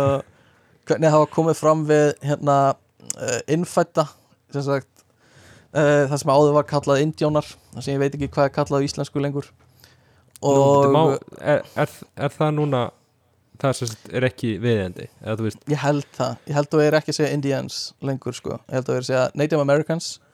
Og ég er ekki alveg viss hvernig að það útlegst á íslensku, sannlega bara innfættir innfættir amerikanar eða eitthvað svo leiðis uh, og svo Já. erum við náttúrulega með uh, þræ, þrælahaldið góða og mikla sem var þannig á sínum tíma sem öll, allar þjóðir tóku þátt í náttúrulega bara uh, og Já, er eftir að kenna bara bandarækjumannum með það. Uh, ok, en förum í eitthvað aðeins skemmtilega og það er Ísland. Mm. áður þú fer í það sorry, Já, ég við förum kvætti að Allt þarna þetta var, þetta var leðilegt nei, nei, nei, En- ógislega gaman. bara svona smá perspektíf. Því að nú bý ég í landi sem var náttúrulega alveg rosalegt verslunaveldi og alveg svona alveg ömulegt land áður, skilur mm þú veist, það voru bara þrælar og yfirtaka og bara eitthvað kúun og bara allt í rugli. Yes sir. Þú veist, það fyndi í dag að þú veist, vera Holland og eitthvað svona fara úr því að vera svona alveg ógislega mikið stórveldi og þú veist, að maður nippuleita alla í Evrópu og Afríku og allt saman. Og geta síðan bara svona skroppið saman og verið í dag bara eitthvað við erum bara lítil þjóð hérna, bara eitthvað Já. milli þú veist, já. við bara elskum vindorkun bjór okkar og, við erum bara við erum að sökva já, við erum að drukna já, við erum að drukna hjálpa það okkur. fyndi breyting. Já, þú veist, e- e- e- hérna hollenska Austur-Indíafélagið var bara stærsta fyrirtæki sem hefur verið til ever, eiginlega. Og það er bara eitthvað, núna er þau orðin bara eitthvað svona eh, já, ég veit ekki, auðmikið þjóð með fullari virðingu já, já, svona miða við það sem er mjög fyndið. Og algjörlega og hérna ég kemur ekki óvart þegar bandaríkjum myndu lendi í einhverju svoleiðis eftir hundra ár eða eitthvað. Og verður bara eitthvað svona, "Ó, bara lítli bandaríkin mín. Búa bara svona bar í Kaliforníu já, og er eitthvað svona, "Ó, við erum svo fá og lítil. Mm, sennilega að vera Kalifornía samt bara auð eftir hundra ár bara út á vaskorti sko. Og verða öll í Flórida eða eitthvað. Það er eitt til að hugsa um. Uh, en já, saga Íslands og Madríkina það er skemmtilegt. Það er, nú förum við í eitthvað gaman. Eh, Nú er, nú er eitthvað að fara að gerast. Eins og fyrsta, bara ástandið ha, þegar her, herrin tók við að breska hernum í kringum 1902, nei, 1942 eða eitthvað slags og kemur hérna inn og allir svo myndalegir og hávaksnir og í einkennis klæðnaði. Þú veist, þeir eru Vel meira myndalegir meira myndalegir heldur en stöðumælaverðir í dag í sínum einkennisbúning og þá er nú mikið sagt. Security skæðanir í grári skirtu, já. jakka og gráttbindi með, með, með eitthvað svona alls konar tæki í beltinu sínu en ekkert er byssa eða kilva er eitthvað myndalegra heldur en góður security, security vörður sem Ekki kemur svona upp sko. að þér? í ertu svona með, hair boots. Ertu með háskólakortið má ég sjá háskólakortið það bara er ekkert sem er meira sexy. Uh, en þeir koma hana inn og setjast það í Keflavík. Og í rauninni byggja bara upp landið okkar fyrir okkur. Uh, við vorum bara við vorum bara einhver sveita þjóð fyrir þetta. Já, já. og þeir koma með flugvöll og búa til vegi og veist, við værum bara ennþá búa í torfbæjum ef þeir hefði ekki komið sko. Við verðum bara ennþá búið til vegi. Já, og það minnsta sem við gátum gert er að leifa þeim að mæta á jammið með okkur. Uh, og þeir bara mæta á jammið og hérna fullt og, og egnuðist fullt af kærustum og hérna og, og Íslandingar er náttúrulega urðu bara brjálæðir þau voru bara á, á í ullasokkunum og gúmistifilinu bara hvað fokkin gæjar er þetta? Sem er að reyna hérna við reyna við ástrúnu í Guð- Guðmundur stóttur sem er hérna búin að vera skotin í. Þetta sé samt, þú veist það sé eitthvað svona, eitthvað kallmenn í heiminum? Mm. þú veist, ef þú myndir svona bara flytja inn ógeðslega mikið af einhverjum Mhm. kallmönnum í heiminum bara kemur ógeðslega mikið af frönskum kallmönnum til Íslands Já heldur að, er þetta eitthvað svona issue þú veist, mm. væri eitthvað svona þú veist, gæti þetta gerst aftur að við allir íslendingar væri bara eitthvað "Bíddu, já, það er vilja, það er vilja mig ekki þú veist, Mm. það er, það er vilja bara enn hreim og þú Já, veist. kannski mögulega, en ég held að það sé bara minni munur á menningarheimunum eins og er núna. Uh, og hvaða þjóð væri?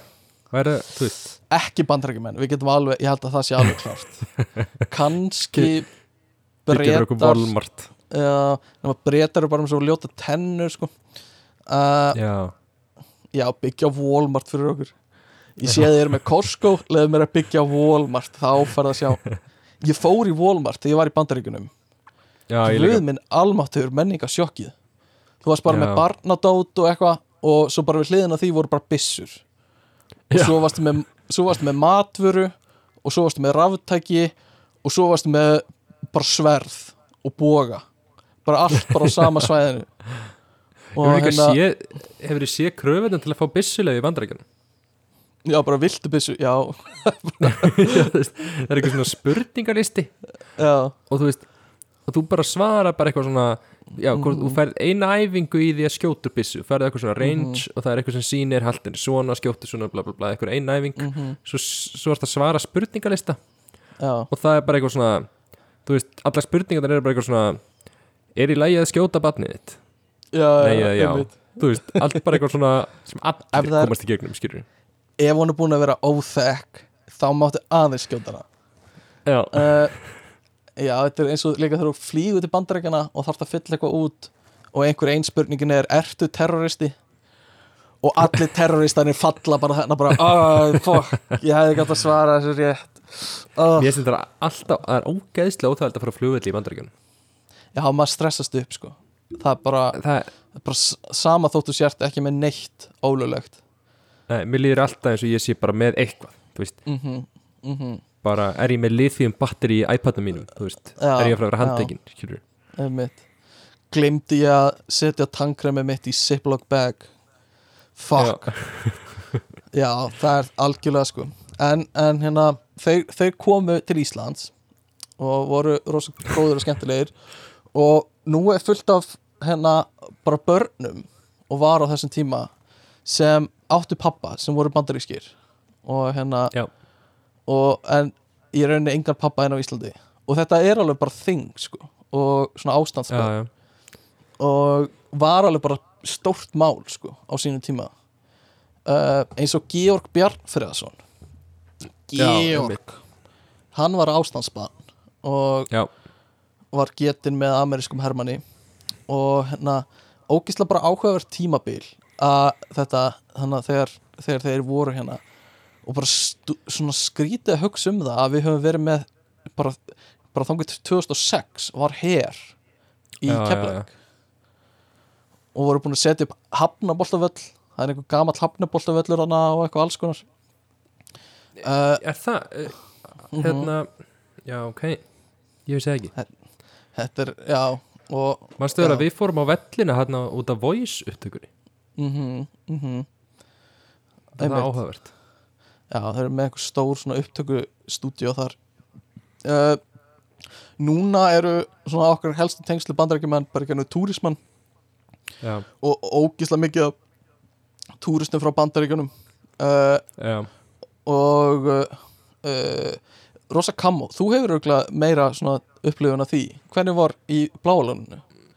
já sko bandar ekki með lang skemmtilegustu túristöfnir sko Mm, já, þeir eru bara svo ógíslega góðir í small talk og Mhm. þú veist, þeir elska tala og þú Einmitt. veist bara þeir eru lang skemmtilegustu túristöfnir bara þeir eru bara endast að spjalla við og þeir eru svo góðir í því. einmitt, og þú veist, einmitt. þannig já, ég alveg klálega elskaði bandarækjumenn sem því var að vinna við Mhm. ferðamenn sko Einmitt. og, og hérna uh, já, eru rosa kammo og skemmtilegir og það er svolítið í menningunni þeirra hey, what's up?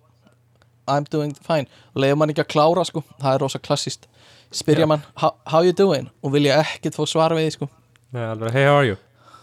Hey how are you? oh, I'm fine uh, I yeah, just came so we're looking at for the glacier já, algjörlega uh, en já, það er svona svolítið þannig í dag og uh, svo uh, þegar kaldastriði var þá var náttúrulega höfði hittust hérna leiðtóðar bandaríkjana og, og Sovjetríkjana á Íslandi uh, í, Já, á, já. í höfði það. Mjög gaman og hérna svona upphæðið af endanum á, á kaldastriðinu og svo var frækt þegar Fischer kom og kæfti á móti Spatski í skák. Uh, Já, Sko- elskan podcastið var með mjög góðan þáttum Bobby Fischer bara í síðustu viku og get mælt með að hlusta á hann. Já. Sko ég hérna Ég reyndi að tala með þetta um daginn hérna úti. Þetta Mhm. með hittast á höfða mm í lok kalda strísins Já. ég einhvern veginn ímyndaði mér að fólki finnist þetta merkilega heldur en viðbröð já, já, yes, nice. actually they met in Iceland. The house is still there. Oh, I was wow, next nice. to it when I worked. Og allir bara eitthvað svona, oh, ok, Mm, yeah. alright. who cares? Ekkert merkilegt. Já, en Íslendingar eru, já, við eh, bundum enda á kaldastrið við vorum með þau þannig auðvitað. Uh, rosa íslenskt og en Bobby Fischer, já. Já, tala meira um hann. Nei, bara sem ég vilja meina að sé besti skákmaður allra tíma. Uh, Ég er meiri Karlsson maður en, en hérna, ah, Magnús Carlsen, hann er flottur. Uh, en ég sá hann um daginn, vissir það? Nei, Jú, fótboltaleik. Ég fór á fótboltaleik Aha. í Dortmund. Og Magnús Carlsen og hérna Erling Haaland fótboltamæður, já. Þeir voru saman á Áhugavert. fótbolt, sama fótboltaleik og kom á heilsu öllum áhrundum í hálfleik. Heilsaði hann þér? Nei, þú veist, hann Góðan daginn, vinkaði Guðmundur. mér Já, ok, vá, geggjað. Þetta fannst samt þess að hann horfði svona aðeins meira á sérst, Já, sérstaklega mikið af því, ég trúi því sko.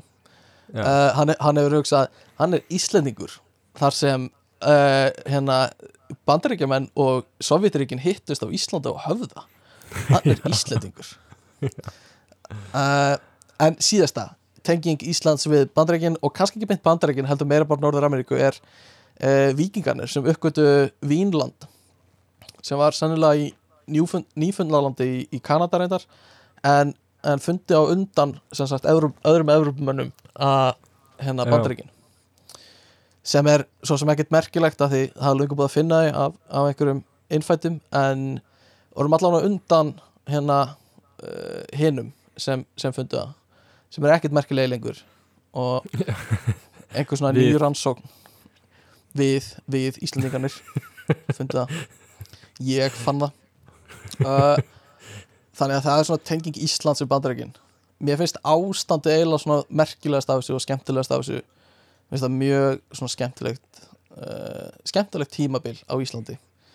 Þegar við vorum bara Já, einhver bænda þjóð uh, ég, vil, ég vildi að vera svona öfug saga Þú veist, mm, kynja, undur skipta á kynjónum já þannig að það kemur fullt af bandarískum konum til landsins, er talað það?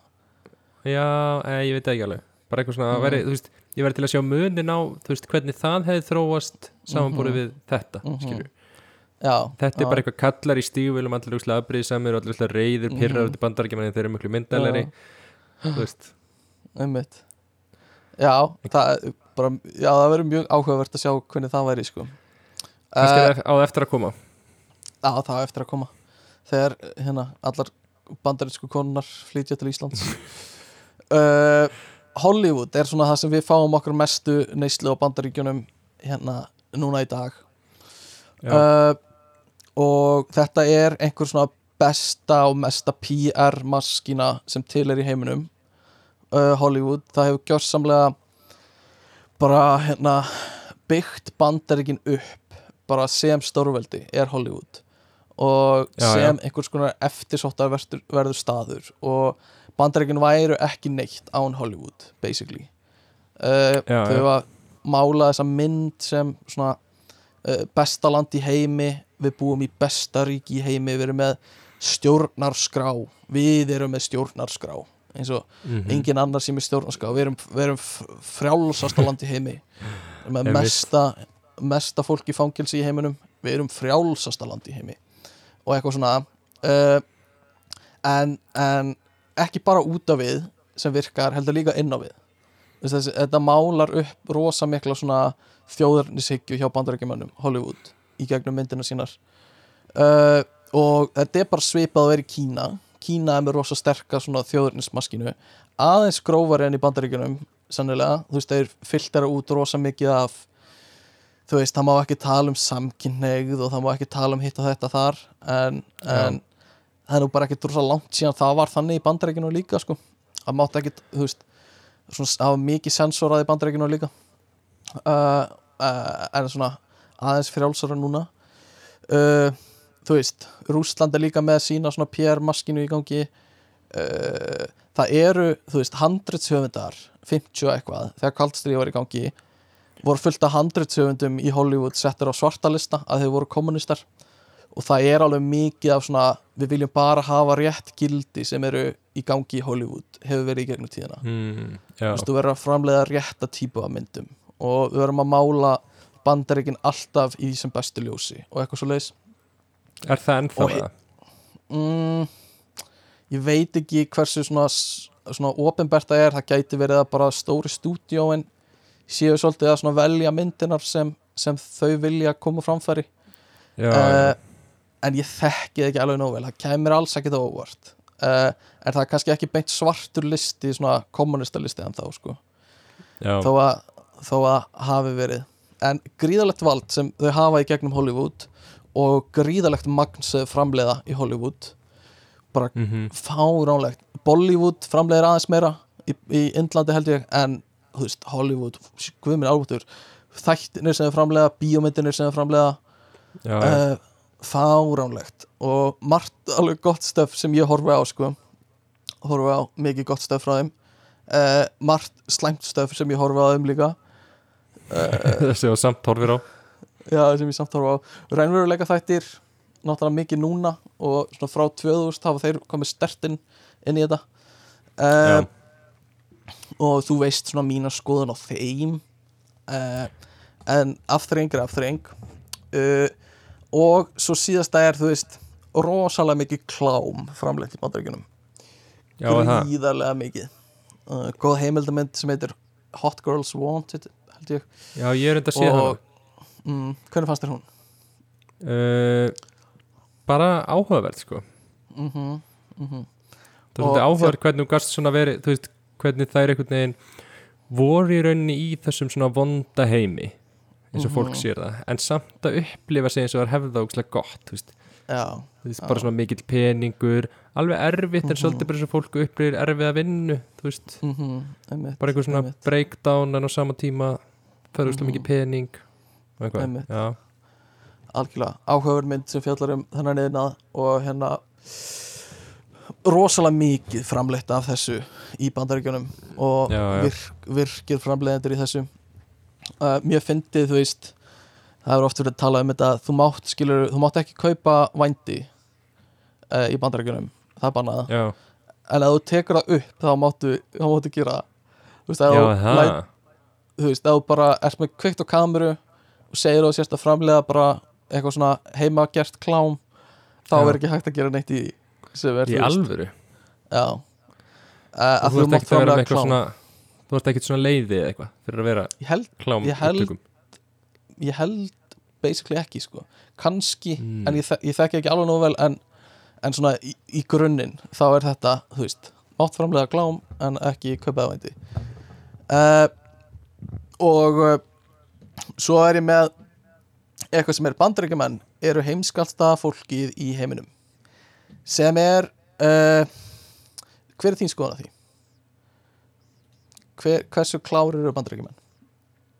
um, ég myndi segja svona 75 kannski Já uh, Mjög erfitt að segja eitthvað svona til um hvað er klárt fólk og það er ekki beint að meta út frá IQ-i uh, en uh, það, þeir eru með svona stimpil á sér að he vera heimskir og hérna eitthvað svona Jimmy Kimmel þáttur eða eitthvað það sem þú ferður út á götu og segir bentu á uh, bentu á Svíþjóð á korti. Og allir bara eitthvað benda innan bandaríkjana eða eitthvað svona rosa mikið vita ekkert um er í gangi út fyrir bandaríkin.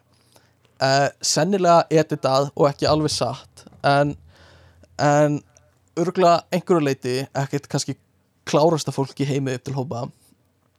Um, Singapúr er víst með hæsta IQ í heimi. Uh, og Hong Kong og Taiwan þetta allt hana í kringum Kína. Uh, mikið er, Asíu. Ísl, er Ísland á listanum eða? Já, Ísland er á listanum. Það er sko, fyrstu löndin eru Singapur, Hong Kong, Taiwan. Þetta er allt svona hér eða Kína. Svo kemur Suður Kórea, Japan og Kína. Þannig að þetta er allt, allt Asíulönd Að, Mm. austur Asíulönd Og svo næstu sem koma er Sviss, Holland uh, Nú, nú, Svo kemur Norður Kórea sem ég svona, ok, allt er góðu uh, Var ekki búist við en, en með, já. Uh, Norður Kórea Ma Makó Maká Já, Maká og Ísland er 11 Nó, Eh, já, við erum 11. helviti ofalega. Já, já, við erum helviti ólega Við erum 11 á eftir rosa mikið af Asju, svona Austur-Asjulöndum og Hollandi. Er þetta per er capita eða? Já, þetta er sérst eitt uh, IQ stig fyrir hverja, hver, hvern mann. Uh, Þannig að Já, og bandaríkin, við erum náttúrulega að tala um bandaríkin. Þau eru aðeins neðar, þau eru samt ekkert rosa neðarlega Þau eru 23 mm. og þau eru með 98 í greindaustölu að meðaltali. En það er ekki helviti hátt Er meina, 100 ekki eða? Jú, meðaltali er 100 sko. Og Og það er, eru bara svolítið average. Já Og svo eru svona þjóðir sem eru lægstar uh, Eru eins og uh, Ég held að þetta sé einhver svona eiríki Sem mögulega er ekki Að fá svona Það sem við myndum kalla hefðbundamentun Og eru kannski ekki svona Að vinna með það sem er testað í IQ-um Þannig að það er kannski erfitt að Já, já bera saman uh, en kannski svona fyrsta sem maður þekkir er eins og Bangladesh er frekar lágt og Sri Lanka Saudi Arabia þetta er allt svona á neðarlega Nicaragua. Uh, Ég, ég er með sko 175 persónulega og ég Já, er með alveg fullt það? af BuzzFeed greinum sem geta staðfest það. Uh, einmitt. Ég, ég trúi bara 100% uh, en þú veist staðalímyndin er einhver svona rednecks í bandaríkjunum sem eru mjög heimskir og keira á trökkunum sínum og sofa hjá uh, fjölskyldurinn sinni og eitthvað svona. Uh, góð staðalímynd en bandaríkjum er líka mjög klárur upp til hópa og mjög flott fólk sem kemur frá þeim. Uh, og náttúran í bandaríkjunum er líka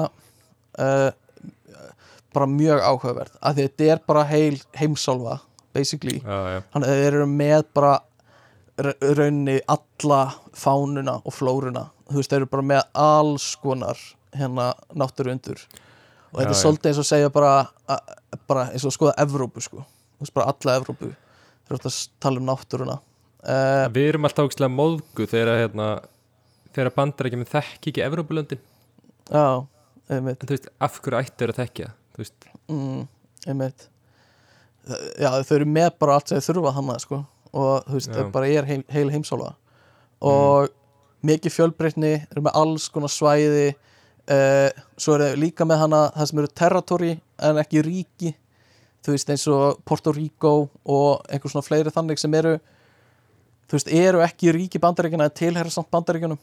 Og það eru alveg svona nokkrar eigjar þannig og það má alveg færa rauk fyrir því að þau ætti bara basically að vera ríki en, en eru það ekki. Uh, og það er svona áhugavert að þau vil ekki hleypa þeim inn. En eins og þú segir í síðasta þætti hvað eru mörg ríki í bandaríkjunum þegar seinni heimstyrjöldum var 48 þar sem vantaði Hawaii og, og Alaska býst ég við sem eru og voru tekin inn þá bara síðustu 70 árum. Uh, en við erum með þú veist svona Gre- Great Canyon rosa frækt í bandaríkunum þú veist, stærsta tegjuboltan í heiminum svona bolti Já. sem búið til úr tegjum alveg bara fáránlega flott svona landmark svo eru búið að eyðileggja alls konar fjöll í bandaríkjunum eins og Mount Rushmore sem er búið að gjörsamlega mistyrma. Uh, fallið vötn, þau eru með hana stóru vötnin í norðari Lake Superior eitthvað og fleiri. Fullt af einhverjum svona þjóðgörðum national parks og fossum og eitthvað. Þannig að það er bara fullt í bandaríkjunum. Og það er þessi draumur um að keira um bandaríkin. Myndur þú vilja það? Það eru til í það? Já, keira á milli strandana Já, eitthvað svona bara setjast upp í bíli minn og bara hérna, vera með þakki niðri á blæjubilnum og svo bara keira já, þú veist, jú, jú ég er alveg til að prófa það sko. Mm, við höfum alveg talað um að gera þetta. Mm Við höfum talað um að gera þetta. Ég hef heyrt að þetta er rosa mikið eins í rosa langan tíma. Þú kemur Já. bara inn í eitthvað belti og þú ert bara að keira í eðimörk í fimm daga eða eitthvað. Uh, já, væri samt alveg fínt að, eða, þú veist, ég væri úrslega mikið til að vera kannski hljómsveit að túra. Mm, og keira þetta. Svona, Já, já, algjörlega. Vera á mótuhjóli, keira á mótuhjóli já, uh, en það er svona eh, partur á ameríska drömnum svo er bara þessi klassíski American Dream sem er, þú Já. veist hús maki og börn og búa í Mhm. einhverju svona einbilshúsi með svona hvítu grindverki í kring og eru með garð og hund og eitthvað svona svona klassíski bandaríski draumurinn að sérstaklega eh, í svona meðja síðustöld og svona upp eftir minna Mér kannski núna. Mér finnst það bara freka, freka töff sko. Mm -hmm, og að allir þetta er svo stert í bandaríkjunum að að uh, þú veist allir eiga að geta orðið ríkir. Og, og það er svo brenglað einhvern veginn þessi hugmynd um að þú veist uh, þú, þú getur orðið ríkur líka. Og það er eiginlega þessi blekking sem rosa mikið að fólki lifir á. Er Já. bara hérna þetta er svona lotto mentality. Þú veist að það er sjans. Þú veist ég á mögulegan að því að verða ríkur. Ég, þú veist ef ég kaupi lotto með það þá er sjans að ég vinni. Þó að það sé engin sjans að vinni lotto. Það er bara ekki sjans að vinni lotto já, og ég held að sé bara af því að eftir ákveðum mikla prósentu hættir heilin manns að skinja hvaða er lit, lítill sjans, þú veist, einn á móti 50 þú veist, er svona einhvern veginn, einhverju liti túlkað jafn mikið og einn á móti 2 miljónum Já, já, já. skilur þú veist, við bara Já. hættum að hafa sens fyrir því. Og, og þess vegna kaupum við lottum með það því við erum, það er sjans að ég vinni. Eitthvað svona, mm, já, já, ég, ég keifti allan með hann en það er bara, það er engin sjans og lotto er eitthvað sem ég hef bara megnustu óbytt á, þú veist það er ástæð fyrir þetta kalla fátakur skatturinn það er bara því það Já. er mest láleina fólk sem tekur þátt í lotto af því það vil halda í þess von um að það vinni. Og tapar fullt af penning í gegnum tíðina af því að kaupa lotto með það. Uh, þess, það pyrra mig rosa mikið. Þetta er, þetta er ögn skár af Íslandi af því þá er einhver svona afsökun að nota þetta í íþróttastarf og eitthvað svona. Í bandaríkunum er þetta ekkert svo leiðis þá er þetta bara fullt af pening engin sens á að vinnir en fullt af fólki borgara en það er alltaf Og- einhver sem vinnur. Ekki alltaf einhver, en á endanum vinnur einhver. Uh, já þetta er, þetta er nákvæmlega þessi hugmynd. Uh, Já. já. en það verður ekki þú. Það er ekki þú. Það er bara það er, það er ekki þú sem vinnur. Það er bara, það er hægt að taka svona survivor bias á þetta og tala bara við þann sem vinnur. Og alltaf heyri þeim sem vinnur og eitthvað svona. En þú ert ekki að fara að vinna lotto það er bara, það er ekki sjans. Um, en jú, jú það er alltaf einhver sem vinnur. Það er þannig. En, en þessi útudúr er ég er að tengja, þú veist, ég er að þetta er, þetta er bara svona mentalityið í menningun í bandaríkunum, skilur að, að hérna það geta allir orðið ríkir. Þó að þú verður aldrei ríkur. Það er ekki séns á því. En þú ert með hann þetta tækifæri til þess sem allir lifa á. Og þessi draumur um að verða eitthvað í framtíðinni En þú veist, er veist, en- þetta ólíkt þú veist, hverju, hvernig lýsir þetta sér í bandaríkjunum öðruvísi heldur en bara Íslandi til dæmis? Uh, sennilega ekkert mikið. Það er náttúrulega svona, flæðandi menningar svona áhrif sem er á milli Íslands og Bandaríkjana en uh, en mér finnst þetta bara þetta er svolítið skýrt bara í Bandaríkjunum og en sennilega bara alveg eins á Íslandi. Uh, en bara þú veist að hérna að, að bara þessi draumur um að verða ríkur og hérna uh, veist, verða mikilvægur og verða frægur og eitthvað svona veist, jú, það eru alltaf einhverjum sem gera það en það er bara svo mikið af fólki sem gera það ekki sem Já. er og, og mun aldrei ná því og þú veist, það er þetta anybody can do anything but most will not þú veist, það er það er sjans en þú veist það er þessi draumur sem lifir sem, og ég er ekki að segja hans er slæmur. Ég, ég, veist, þetta kemur mjög neikvægt út af því veist, það er bara mjög holdt fyrir fólk að vera með draum og hafa markmið og vita hvað það vill og stefna á það. En það er bara mjög ólíklegt og, og hérna fólk lifir En og svo mikið á þessu. Hvað viltu að fólk geri? Að Ég- þú vilt að hafi drauma en Nei, ekki of mikið. Ég, veist, ég, ég er ekki að tólka þetta eitthvað svona mér finnst að fólk er að gera eitthvað svo leis uh, En akkur finnst Ég- þetta slæmt þá? ég, ég var að segja, mér finnst þetta ekki endilega slæmt sko. Ég bara En uh, Já. þú veist, mér finnst lottó slæmt. Ég, ég, ég hef miklu óbeitt á lottói en, en ég, svona erfið er að leggja mat á sko uh, menninguna. Uh, mér finnst það ég veit ekki mér finnst það bara þetta er bara svona menningin í bandaríkunum ok, aftur alhæfa. Ekkert endilega allstaðar eða, og kannski ég mistúlka eitthvað. En bara svona ameríski draumurinn um að uh, eignast maka hús og börn rosa Já. mikið. Og var fí hana, þegar hann var raunhæfur í gamla daga. Núna minna raunhæfur. Það er bara erfiðar að fá hús og leigumarkaðurinn og, og hús, húsnæðismarkaðurinn er slæmur þar og í, sennilega á Íslandi.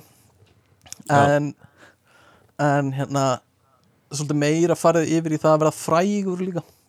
Og samfélagsmiðlunir eru farin að bjóða upp á það einhvern veginn að draumurinn um að vera samfélagsmiðlstjarna uh, og, og vera frægur og meika það í Hollywood er svona það er rosa algengu draumur líka. Ég ætla bara að fara til Hollywood og verða leikari. En, þú, Eh. já, eins og með samfélagsmiðlana, þú veist, það eru bara allir að reyna að vera frægir í þetta mm allir. Þú veist, Hvað er Við er erum podcast? bara að reyna Já, já, við erum já, bara reyna að vera frægir já, algjörlega. Uh, það Þetta er bara svo lottómið, sko. Líka þannig að við erum Mhm. frægir, Stefán? Mm Eru minni en að vinna í lottó? Já, algjörlega, ég er alveg sammála því. Uh, sem betur verið hef ég mjög gaman að því að gera þess að þætti. Þannig að hérna, ég fæ allavega eitthvað út í því. Og fólk uh, fær ekkert út, út úr rössunum að kaupa lottó með það? Ég, ég vissi að myndi, ég vissi að myndi segja þetta. Við erum, svo, við erum með svo gagstæða skoðanir hérna. Uh, ég hef óbætt á lottói það er ekki þar með sagt að fólk get ekki notið þess að kaupa lottó með það. Uh, og ég get ekkert sagt við því þegar fólk segir við mig eitthvað svona mér finnst bara gaman að taka þátt. Mér finnst gaman að horfa á lotto og að skoða tölunar eitthvað svona, ok ég veit það, ég, ég, ég get ekki dæmt út frá því. Það er auðvitað bara þannig að, að þú veist, þið finnst það gaman, þá finnst það gaman. Uh, en uh, sem svona sem svona uh, menningar fyrirbæri sem þú veist sem hjálpar eiginlega yngum finnst mér lottó ekki frábær hugmynd. Uh, Já, bara segja það, En en ég veit að þú, þú hefur gaman að lottói, þér finnst gaman að taka þátt í lottói ég. Veit nei, það. ég, ég, ég tek ekki tátt í lottó að því, veist, því ég, hef ekki, ég hef ekki gaman að leiknum, mm, En það er bara svo Mm. mikið af hlutu sem setur pening í. Mm sem, þú veist, þú lappar ekki innan í bæ og pikkar í öxlina á öllum á barnum og ert eitthvað bjórun er nú miklu ódýrari bara þú kaupir hann út í búð sko.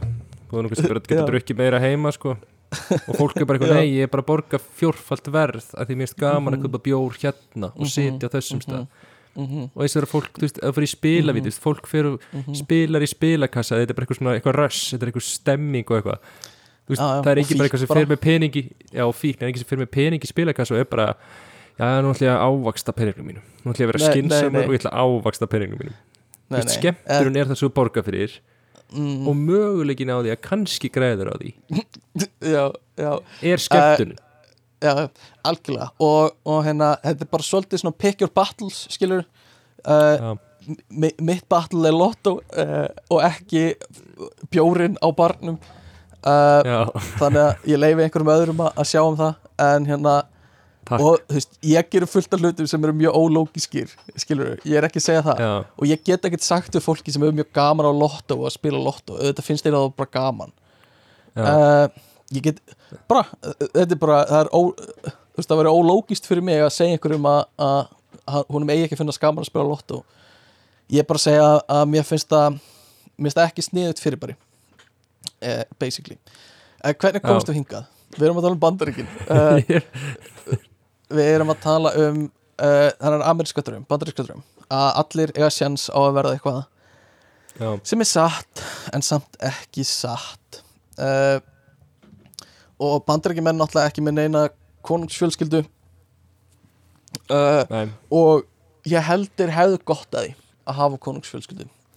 Ég held að það væri holdt fyrir þau uh, að því þau eigða núna allir í sinna orku í einhver svona celebdýrkun og Já. stjörnudýrkun á uh, eins og Kardashian fjölskylduna og eitthvað sem þú veist já. breytist bara í konungsfjölskylduna í bandaríkjunum, skilur við ég samt, ég væri alveg til að sjá Kardashian, fjölskylduna bara sem konungsfjölskyldu. Mm -hmm. bara akkur ekki. og, já, bara okkur ekki. Ég meina það er, það meikar jafn mikið chance og fjölskyldan sem er yfir Breitlandi núna.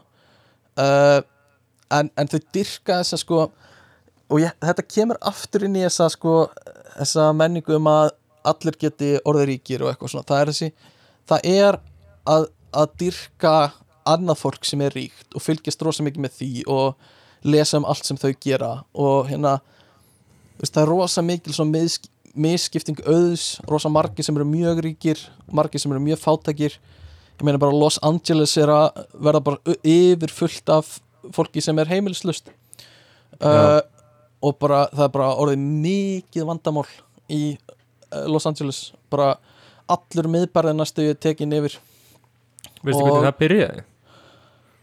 uh, veist þú það?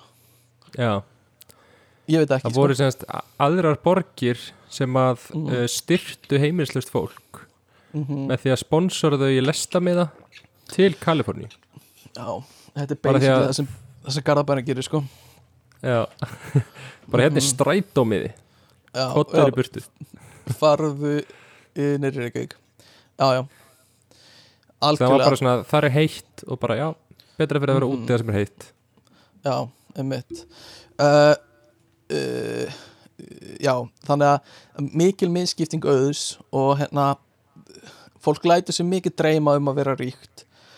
Og ég er, ég er svolítið að svona spekuleita ég vil, þetta er ekki fræðilegt sem ég er að segja. Uh, en þú veist og fara þá að dyrka þessar stjörnur sem eru ógislega ríkar og þú veist þegar Kylie Kardashian eða hvað hún heitir var næstu því orðin fyrsta self-made billionaire eða eitthvað. Fólk bara leggin og einhverja Kylie Kardashian. Kylie Jen, sorry Kylie Jenner eða eitthvað. Minn, sko. Er hún ekki systir Kim? Það eiga sömu móður, Stefán Já, það er einmitt. Caitlyn En- Jenner er pappi mamma já. se- Segir maður mamma núna?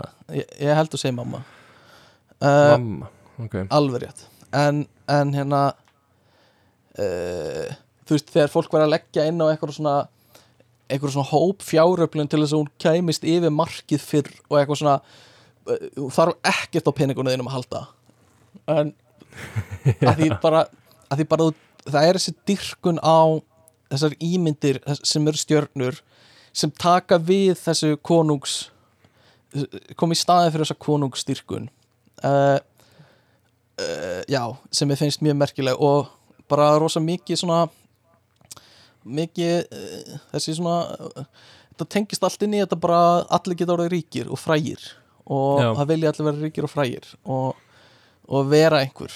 Ég vil bara vera einhver sem er eitthvað uh, og aftur, ekki slæmt ekki gott heldur, þetta er bara menningi þeirra uh, en menningi þeirra er líka mjög litið á réttindabaráttu uh, réttindabaráttu þræla uh, alls konar minni hluta hópa uh, minna kannski feminisma eins og, hef, eins og hefði átt að vera en rosa Já. mikil réttindabaráttu hérna, svartra og fleiri uh, Mhm. og, og bara ennþá er menningi þeirra mjög litið að því uh, sem bara gerist eða þú ert með rosa mikið af fólki sem voru þrælar þá finnst mann alveg meika sensa að taki margar kynslu að vera að, að hérna bara vinna út úr því trama og bara, bara menningunni sem þú veist hvíta fólki og bara hugsunarhættinu sem hvít fólk er með. Uh, og verður lengi lengi partur á barðunni uh, en uh, hugssjónu er að snúst mikið um frelsi sem er mikil þversögn við uh, þræla hérna haldið sem við vorum með en það snýst allt um frelsi hana frelsi til að hafa byssur. Frelsi til að skjóta uh, fólk í skólanu sínum. Frelsi til að hérna, já, tjá sig. Tjáningafrelsi. Uh, og þá komum við að þú veist uh, tjáningafrelsi rétturum til að móðga gegn rétturum til að vera ekki móðgaður og þú veist hvort, hvort er mikilvægara uh, þinn réttur til þess að móðga einhver eða rétturinn hjá uh, hinni mannskjunni til að vera ekki móðguð? Og maður, við erum að sjá það svolítið upp á síðkasti að það er mikil áherslu lögð á það að fólk hefur rétt á því að vera ekki móðgað. Uh, sem er eitthvað sem við höfum ekki séð mikið áður að þú veist við vorum alltaf bara að berjast svo mikið fyrir að mega segja hvað sem er að Mhm. við sögðum bara hvað sem er og núna erum við að sjá þú veist þetta triggert, þetta triggerar eh, þetta er að triggera mig og eitthvað svona og þá er það rétturinn til þess að sleppa því að vera móðguð eða móðguður einmitt. uh, sem er mjög áhugaverð bara punktur til að tala um þú veist, hvort er mikilvægara uh, er eitthvað er þetta alvöru réttur áttu að hafa hennar rétt að, að verða ekki móðgæður Ert þú með skoðan á Uh, þessu?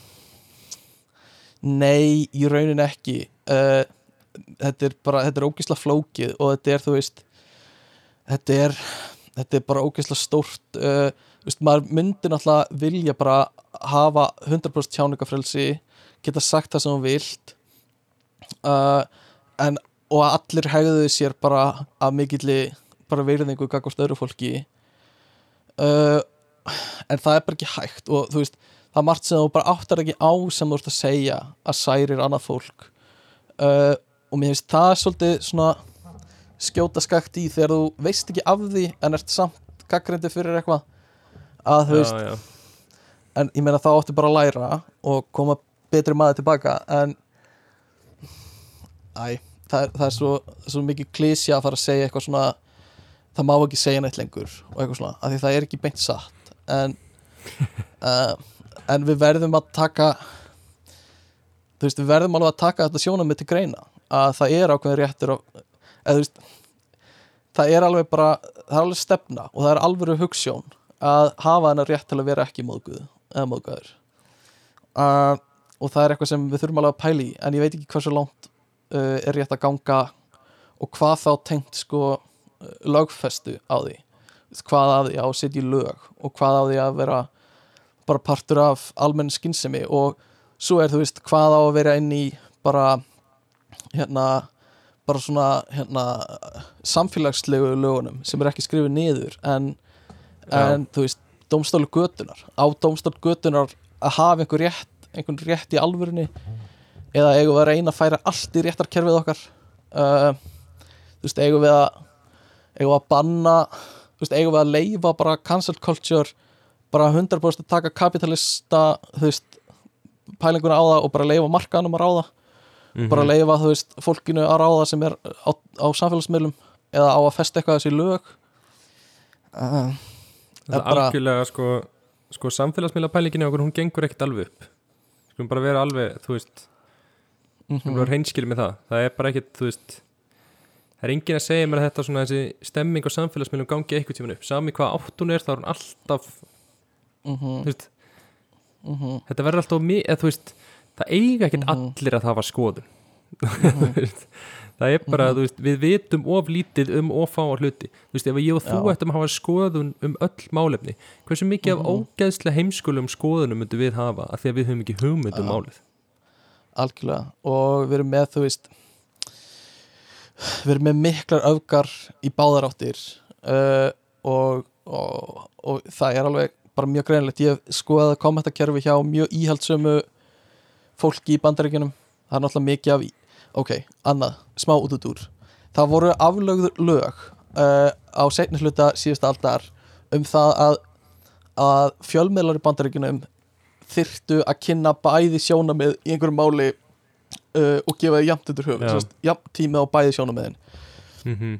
það var einu sinni í gangi. Það var afnumið í bandaríkunum sem þýtti að fjölmiðlar gátu farið að vera mjög pólitískir og bara kynna eina skoðun Mhm. og þetta er ástæði fyrir að eins og Fox News var mjög Mhm. stórt Þú veist, það er svona Já. opinion news skoðanafréttir eru orðnar mjög stórir í bandaríkunum og, og hérna þau þurfa ekki að kynna málið frá öllum hliðum þau þurfa ekki að, að lengur að hérna að vera með einhver sors þau geta verið með skoðanafréttir já, sem er ég veit ekki hvernig það er á Íslandi ég veit ekki hvort það er sama á Íslandi eða ekki en, uh, en hérna bara maður dabbi tekur kongur í mokkanum Já, maður tekur minna eftir í, mók, eða, þú veist, það er, ég veit ekki, það er alveg einhverju lit í mókunum uh, og fleiri stöðum en hérna uh, en ég var að skoða kommentakerfi frá mjög hérna er það svona íhaldsum fólki já, nei á YouTube að einhverju bandaríkjamönnum að hérna sem eru mjög, og þú veist, þá eru mjög harða skoðanir og svo skoða maður komment nei, skoðanir hjá mjög svona liberal fólki eða hérna vinstri sinni og þá eru mjög harða skoðanir þar og eitthvað sliðis uh, veit ekki, erfitt að segja. Uh, erfitt mál. En uh, auðvitað vil maður bara að, að umræðan geti farið fram og allir öllum líði eins vel og hægt er en ég veit ekki, þetta er mjög erfitt sko ég veit ekki, ég er ekki með mikið meira tengt bandaríkjunum nema þú viljir dettinu eitthvað sérstakt. Uh, ég var með smá svona leik sem ég langaði að uh, fara í í lokin. Ú, leikur. Mm uh, Skjóta á mig. ok, þannig að ég ætla að ég ætla að les, uh, ég ætla að leika fyrir þig. Ok, uh, atrið, fræg atrið úr bandarískum bíómyndum ok.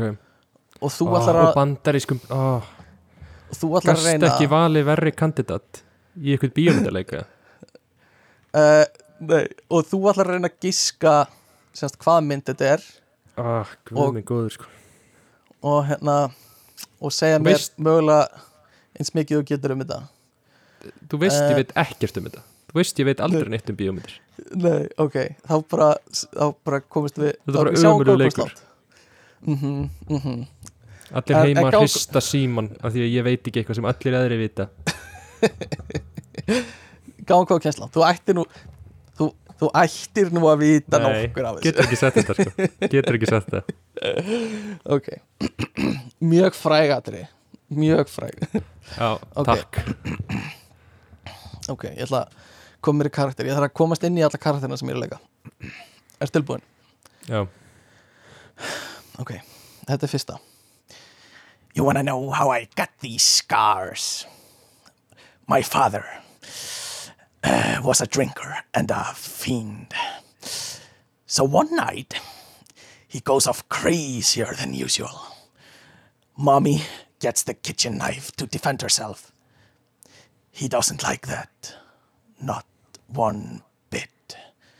So, me watching, he takes the knife to her, laughing while he does it. He looks at me and he says, Why so serious? He comes to me with the knife. Why so serious? Let's put a smile on that face. And why so serious? Viltu gíska? vá Sko, ótrúlega vel leikið. Mhm. Sko, þetta er jókerinn. Þetta er jóker Eh. glæsilegt. Vel gert. Vel gert. Eitt stig á þig. Ok, næsta. Ú, Ég er kannski bara miklu betri en ég held að það getur verið. Ertu, ertu ready? uh, Býta eins, Ok, komum við í alveg nýja karakter. Okay. ég er ready. Ok, að þetta er svona. As you can see að ég er ekki, að ég þarf að finna röddina Choke, choke Uh, choke, choke, choke. As you can see, we've had our eye on you for some time now, Mr. Anderson. It seems that you've been living two lives. One life, you're Thomas A. Anderson, program writer for a respectable software company. You have a social security number, you pay your taxes, and you help your landlady carry out her garbage. The other life is lived in computers, where you go by the hacker alias Neo. And are quality of virtually every computer crime we have a law for, and are guilty of allana. Viltu giska á þetta? uh, Þetta er Matrix Þetta er Matrix glæsilegt, þú ert með það Ég er ekki alveg Ég hitt hann ekki alveg á réttan stað hana En próf næsta. Mér fannst það flott. Mm, mm, Ok, próf næsta. Uh, Ok.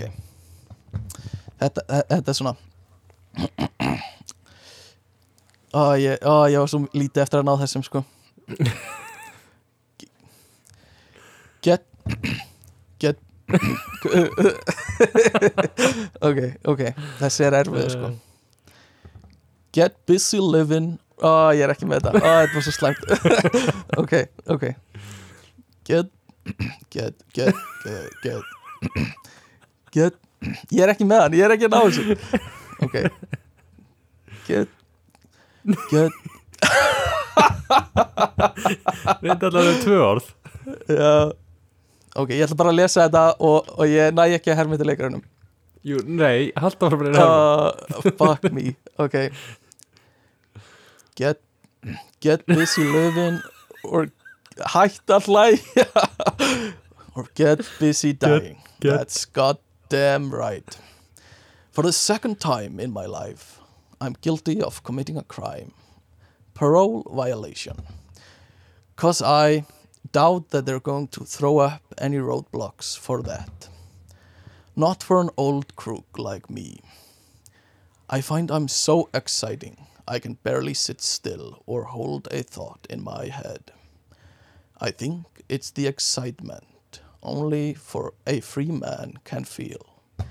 A free man at the start of a long journey whose conclusion is uncertain. Viltu ekki sko þetta? Hú, Ég þekki þetta ekki sko Ég Ég Er þetta þú getur þetta.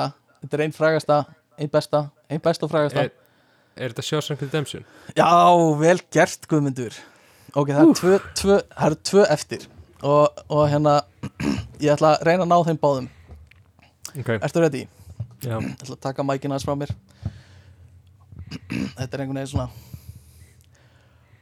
Hold your ground, hold your ground, sons of Gondor and Rohan, my brothers. I can see in your eyes the same fear that will take the heart out of me. A day may come that the courage of man falls.